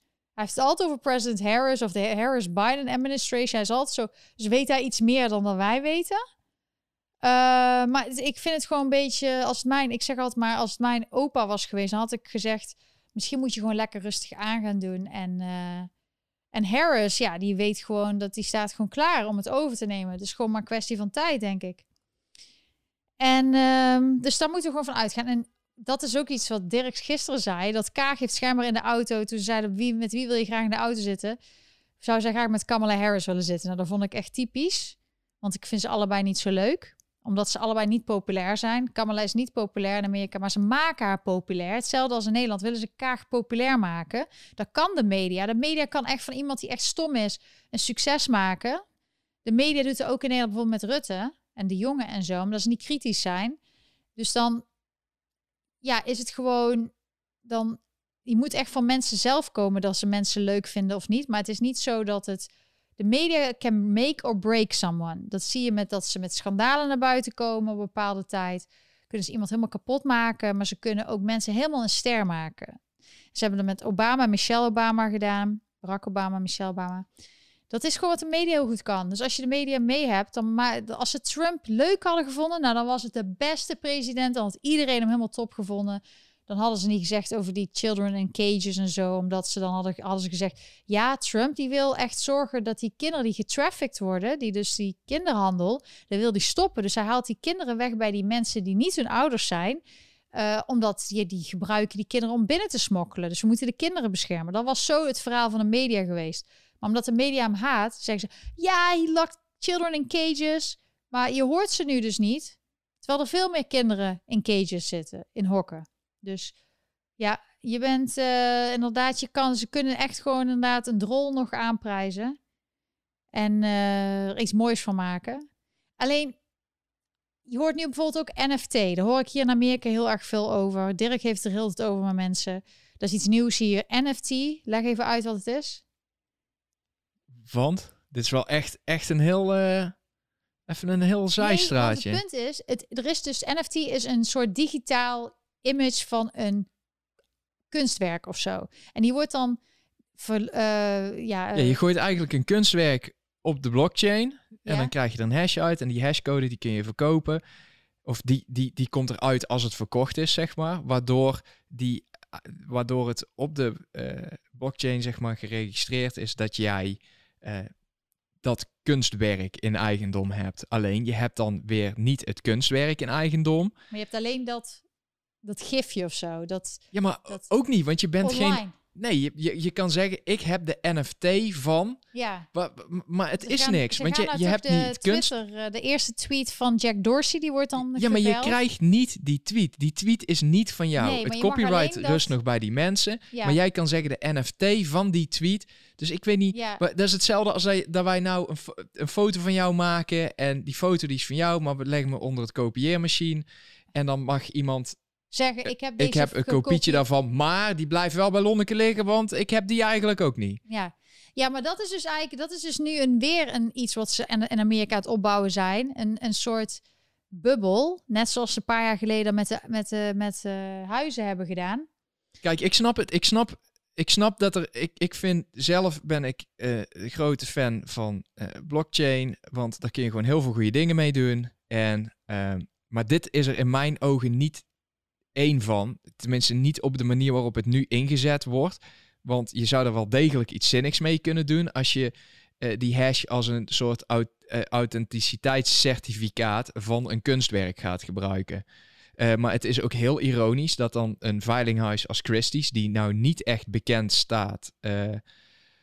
oh, wij snappen NFT niet. Nee, ik snap er helemaal niks van. Maar jij zit in uh, webdevelopment en zo. En ja, maar dat wil niet zeggen dat ik er iets van snap. Maar ik heb, het, ik heb het idee dat ik er wel iets van snap. Maar ik denk, eh, je kan er wel iets zinnigs mee doen. Maar dan moet je het inderdaad koppelen aan echt een. Uh, aan, aan, vind ik aan een echt schilderij. Maar de manier zoals het nu uh, neergezet een, een wordt. Een soort bubbel. Het is een beetje nep. Maar het wordt verkocht. Nou, het voelt bij mij, voor mij bijna alsof je een. zo, zoals het nu voornamelijk eh, ingezet wordt. Alsof mensen een beetje met baseballkaartjes aan het uh, ruilen zijn. Een verzameling. Alleen uh, in plaats van dat je die baseballkaartjes thuis in een, uh, in een zakje hebt zitten. in een kast. Om, om te zorgen dat ze niet beschadigen. Kun je er stoer mee doen. Omdat je, je die NFT zeg maar op je telefoon kan ja, laten, laten, zien. zien. Maar, maar het is heel veel geld. Ja, wat, wat, wat koop je nou eigenlijk? dat is bij kunst ook de vraag. Ja, maar, maar, we hoeven daar verder niet. We kunnen er een keer heel veel over hebben. Maar wat ik wil zeggen is tot een moment iemand zegt, dit is nep, je hebt helemaal niks. En dan valt alles in duigen. Hetzelfde als met die huizenbubbel en al die, wat ze dus in 2008, dat heel die crisis is gekomen, dat mensen dingen kochten wat eigenlijk helemaal niks was. Het is gewoon de kleren van de keizer. Op welk moment zegt, zegt iemand de kleren... Oké, heel even wachten. Ik vind de Dutchess die geeft commentaar, maar ik ben het helemaal eens met de reactie, want ik vind het het is op zich gewoon een, een, het is een goede ontwikkeling als het op de juiste manier ingezet wordt. Dus als je het koppelt aan een fysiek schilderij, waardoor er een digitaal contract ontstaat, waarbij de, de uh, verkoper, de artiest, in perpetuity, hoe heet perpetuity in Nederlands? Ja, gewoon, je gewoon uh, ook, ook bij een volgende verkoop nog steeds een percentage krijgt. Want er wordt hier gewoon in de kunstscene heel veel misbruik gemaakt van artiesten. Dan komt daar een zo'n kunstgoeroe aan en die zegt, ik koop jouw collectie. Uh, die koopt hij helemaal naar zich toe. Die gaat dan een kunstenaar populair maken. Die, die houdt zelf een deel van die collectie. En als het op een gegeven moment meer waard is, zo doet Christie's daar zelf ook. Uh, dan, gaan ze, dan gaan ze die schilderij verkopen. Dus het is eigenlijk meer een, een, een soort belegging voor veel mensen die ze zelf op gaan kloppen, waar ze zelf mee gaan speculeren. Maar waar de artiest in veel gevallen weinig geld aan gaat verdienen. Als je dit op zo, als je het op zo'n manier doet, zou de kunstenaar dus als zijn kunst opgeklopt wordt, als er veel lucht ingeklopt wordt en het wordt veel waard, het wordt een verzamelobject, zou die kunstenaar daar dus uh, bij elke transactie nog iets van kunnen krijgen. In dat opzicht is het een hele goede ontwikkeling. Zo ook voor uh, royalties van muziek. Maar zelfs jij had daar heel veel voordeel van kunnen hebben. Want jij moet nu elke keer jouw portretrecht onderhandelen. Terwijl je dat toen eigenlijk bij het ontstaan zeg maar, van het werk in dat contract had vast kunnen leggen. Ja. Ik ben alleen heel bang dat de manier zoals het nu gaat, dat, je, dat, dat er niks tastbaars aan gelinkt is. Eigenlijk niet per se iets van waarde, anders dan de waarde die mensen er zelf van maken. Ja. Want het zijn in, in veel gevallen op dit moment letterlijk gifjes waar je Ja. niet eens de rechten op verwerft.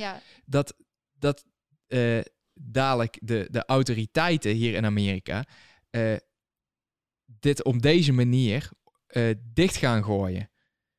Dat ze gaan zeggen, ja, maar dit is gewoon, dit is een scam, dit is een soort pyramid scheme, want ze zijn nu al bezig van, ja, maar eh, ehm, de, de, mensen die bitcoin hebben, probe- proberen dit op te kloppen, zodat mensen die nog geen bitcoin hebben, eh, ook bitcoin gaan kopen. Nou, vind ik sowieso een raar gedachte, want volgens mij is het merendeel nog niet eens via bitcoin eh, verhandeld, maar via ether. Maar goed, ehm, ze denken dat dus criminelen en grootbezitters van crypto op deze manier hun geld eruit proberen te halen. Door een hype te creëren. ja, maar nu ben je heel erg in Ja, detail. maar jij komt hiermee Nee, aanzetten. Je kan dat niet heel ik. kort uitleggen. Nee, dat klopt. Maar ik wou alleen maar zeggen dat het een bubbel is. En tot het moment zegt... Nee, het, het risico is dat ze er een, nu ze zijn er nu een bubbel van aan het maken. Ja. En dat is heel kwalijk, want het kan wel degelijk voor iets heel goeds gebruikt worden. precies. Want de artiesten worden nu genaaid, modellen worden nu genaaid. Ja. Terwijl je het voor hun als een heel positief ding in zou Ja. kunnen zetten. Maar als dit ten onder gaat als een bubbel, dan, dan ja, dat, is, dat zou gewoon eeuwig zonde zijn. Ja, dus het is een goed idee, maar het, nu wordt dus gebruikt van eigenlijk dat er nergens op tastbaar is. En het is eigenlijk de kleren van de keizer. Wanneer gaan mensen nou zeggen van, hey, nou heb ik dit wel voor een paar miljoen gekocht, maar ik heb helemaal niks. En dat andere mensen zeggen, hey, oh, dit is helemaal niks, het is helemaal niks. En hetzelfde met de corona en hetzelfde met Rutte. Wanneer gaan mensen die roze bril afzetten en dus het zien voor wat er gebeurt?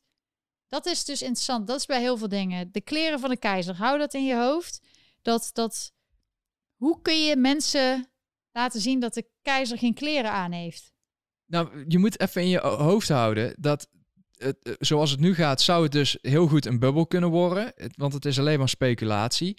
Ehm, maar de, de mensen die, de regulators hier, die zullen daar dan gretig gebruik van maken. Want we hebben toen in Nederland hebben we ook die hele eh, blockchain discussie gevolgd eh, bij de Tweede Kamer. En de Ja. overheid was alleen maar geïnteresseerd in het creëren van eh, een digitale identiteit via de blockchain.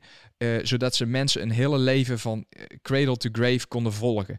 De, als, als ze hier nu een, een, een bubbel van maken, dan kun je daar dus nooit de voordelen van, kun je dus nooit de voordelen van zo'n digitaal contract plukken. En ik denk dat dat juist iets is waar eh, heel veel regulators eh, naar op zoek zijn, een excuus om het neer te schieten. Eh, omdat Ze hebben geen contracten. Ja, maar die hele. Ja, ze, nou, geen controle. Ze hoeven er geen. Het probleem is, ze hoeven daar geen. Er hoeft geen controle voor te zijn in het principe. Want heel veel zinloze baantjes. die kun je gewoon afschuiven. Als je daar op een goede manier gebruik van maakt. Maar het is heel interessant, want jij bent er zelf ook heel erg diep op in het gaan op al die ontwikkelingen en zo. Ook omdat je daar zelf mee bent aan het bouwen en al die dingen. Dus dat is heel interessant om over te hebben. En ik zie dat uh, Dick, je hebt een vraag. Maar zijn NFT's dan niet hetzelfde als fiat geld? Daar staat ook geen tastbare waarde tegenover. Ja, dat, maar dat gevoel had ik dus ook een beetje. Want een vriend van mij die zit in de finance. Ik zeg het is uh, ergens eh, ondanks dat eh, mensen dus commentaar op hebben en dat ik, dat, ik het gevoel heb dat ze er een bubbel van het maken zijn en dat inderdaad een aantal mensen er flink een misbruik van maken, komt het inderdaad ergens overeen, dat was ook mijn opmerking naar hem toe, met fiat currency. Want daar gaat het ook alleen maar om het geloof in. daar kunnen, kan de, de Fed hier ook onbeperkt van bijdrukken. Dus in het principe is het niks, niks anders. En dat is best wel eng. Ja. Want waarom geloven mensen dan nog steeds wel in geld? Zolang mensen hierin blijven geloven, blijft het, uh, het is al, blijft alles het groeien. in de wereld is en uh, is zolang mensen iets willen en iets geloven, hetzelfde met merkkleding. Want een schoen van een, een heel goedkoop merk of een duur merk is vaak in dezelfde fabriek gemaakt. Maar bij de ene staat er dan een duur merknaam op en daar betaal je voor. Maar als mensen niet meer in dat merk geloven, dan valt die waarde terug naar wat het laagste, die andere schoen, dan wordt het allemaal hetzelfde. Het is gewoon wat mensen, mensen kloppen gewoon dingen op doordat ze bepaalde wensen In Brabant zeggen het is wat een gek ervoor geeft. Het is wat een gek ervoor geeft. Uh, en dat is dus met NFT's dus ook. En het, je kan er geld mee verdienen, denk ik, uh, in de toekomst. Ik denk dat er weer zo'n manier is. Ze creëren weer iets uit niets. En dat kan als ze het slim doen, zoals jij zegt, kan het voor de artiesten en de mensen die het hebben een voordeel hebben. Maar dan moet je het wel goed doen. En nu zie je dat het niet helemaal goed. De eerste ding is niet helemaal goed geregeld, maar het wordt wel voor heel veel geld verkocht. Daarom hoop ik dat die uh, Beeple, die nou voor zoveel geld bij Christie's geveld is, dat ze daar op een goede manier mee omgaan. Want hij zegt wel van, we gaan met de koper uh, zitten om te kijken hoe we dit uh, fysiek tot uiting kunnen brengen. Okay, dus als je daar dan een fysiek kunstwerk aan hangt, wat daarna verhandeld kan worden, Kijk, dan zie ik er wel iets in. Maar kunst is ook een heel raar fenomeen. Want kunst is eigenlijk precies hetzelfde, ook als fiat currency. Want daar, is daar, gekker voor geeft. Ja, en ik, daar wordt heel veel waarde aangehangen op, vanwege historie of iets in die richting. Maar in principe moet je kunst gewoon kopen omdat je het mooi vindt. Dat is mijn mening. Maar wij, hebben, wij zijn daar zelf hier in Amerika mee bezig geweest, maar zo werkt de kunstwereld hier absoluut nee, niet. Het is gewoon, ze willen het opkloppen, een verhaaltje. En alles met die dingen is verhaaltjes, zodat mensen erin geloven. Maar dat is bij alles, dat is met politiek, is met alles. Het is, ze maken er een mooi verhaal van, zodat jij het gelooft dat het zo is. Terwijl de, de waarheid misschien anders is. En je moet gewoon kijken naar jezelf. Wat is het voor mij voor waarde? Wat vind ik? Vind ik het fijn voor mezelf? En niet voor andere mensen of investeringen of zo. Je moet altijd kijken naar, je, naar jezelf.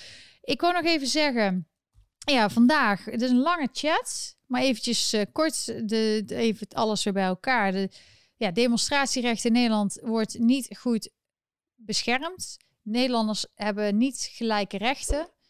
Dat is een heel groot probleem. We blijven daarover praten. Um, het is lente, dus we gaan de komende tijd mooier weer hebben. De verkiezing viel tegen, maar we hadden het eigenlijk al verwacht. Er zijn heel veel. Trump komt uit met de social network. Ik zag ook dat Candace Owens, die heeft een eigen. Uh, hoe noem je dat? Een, um, een eigen. Candace Owens heeft ook een eigen talkshow. Ze heeft daar zelfs een cancel corner, waarin ze allemaal dingetjes die gecanceld worden door de bepaalde mensen inzet. Zo van, oh, deze is gecanceld, deze is gecanceld. Want net als uh, ik is zij ook uh, voor de cancel, tegen de cancel culture. Dus ik moet dan misschien eens een keer ook een sweater sturen. Um, ja, in Nederland had je de knuffelboetes. Daar hebben we hier absoluut niet over. Hier gaat alles gewoon open enzovoort. Maar in Nederland heb je dus nog die lockdown die waarschijnlijk doorgaat. Ja, en die, die jongen die gaat natuurlijk alles doen uh, om maar een beetje in het nieuws te blijven. En dan, toen ging hij ineens testen en toevallig stond er een fotograaf die hem had gefotografeerd met zo'n ding in zijn neus. Dat, uh, ja, alles voor de voor Ja, maar je hebt de grootste rel hier niet eens vernoemd. Welk grootste rel? De feud tussen Candace Owens en de... Cardi B. Wapper.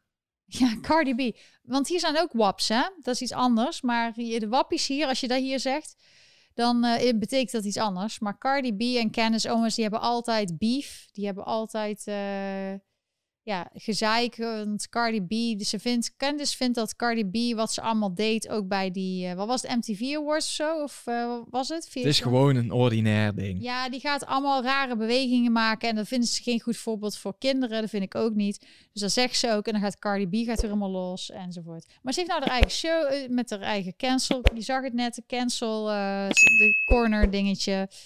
En... Um, Nee, sorry Hugo, het is geen wireless access point. Het is wel een access point. Het is ook wireless. Het is, ja. Voor sommigen, ja, het is eigenlijk altijd wel wireless. Dus ik zou het niet uh, wired doen. Ja, en verder, deze week, ik heb eindelijk weer tijd om lekker het huis helemaal lente klaar te maken. Ik ga weer dozen inpakken. Uh, leven gaat door. Wij gaan kijken waar we naartoe gaan verhuizen. Maar we gaan uiteindelijk denk ik wel weg uit New York. Of in ieder geval moeten eens andere plekken van de wereld gaan zien. Daar gaan jullie ook mee naartoe nemen. Dat kunnen jullie ook zien. Als we naar Miami en zo gaan, dan uh, gaan we ook zeker livestreams en zo doen, de video's. Komt een nieuwe video live deze week. Um, ja, voor de mensen die mij willen steunen. Er zijn ook andere manieren. Dirk, die gaat er even kijken. Want ik heb al vaker die vraag gehad dat er in Nederland... Kan je met Nederlandse kaart betalen? Dat dat... Ja, ik zit in Amerika, dus ik moet het met de Amerikaanse doen. Maar misschien kunnen we daar toch nog iets van verzinnen. Want ja, het is zo leuk als je Bitcoin, Ether, is allemaal beschikbaar ja, nu. dat soort dingen heb ik wel al. Um, ja, ik ga, wij gaan de, deze week. Maar gewoon, liken en subscriben is ook al heel, ja, zijn ook al heel dankbaar. Ik vond het heel en, leuk en dat heel veel mensen. Reageren ook super. En ook dat er mensen zijn die uh, liken inderdaad en, en, en delen met mensen, dat er meer mensen komen. Ik vind het leuk om andere van verschillende mensen soms een mening te horen. En ik zeg heel vaak en trouwens, volgens mij. Kan ik niks aan doen. Ik zal proberen het niet meer te zeggen. Dankjewel Dirk. Was een lang leuk gesprek. Ik hoop dat jullie thuis ook het heel leuk vonden. Been die is volgens mij klaar om uitgelaten. Nou ja, ligt nog te slapen, maar we moeten hem eens even uitlaten. Het is hier nu door al zomertijd. Dat is bij jullie nog niet, maar hier is het al zomertijd. Dus het is hier nog licht. En, ik zei weer en, is een belangrijk woord, dat klopt. Ik zie jullie snel weer. Succes deze week. Zorg dat je lekker goed voor jezelf zorgt. Gezond, happy, healthy, financieel onafhankelijk. Doe onderzoek. Ben positief. See you later. bye bye.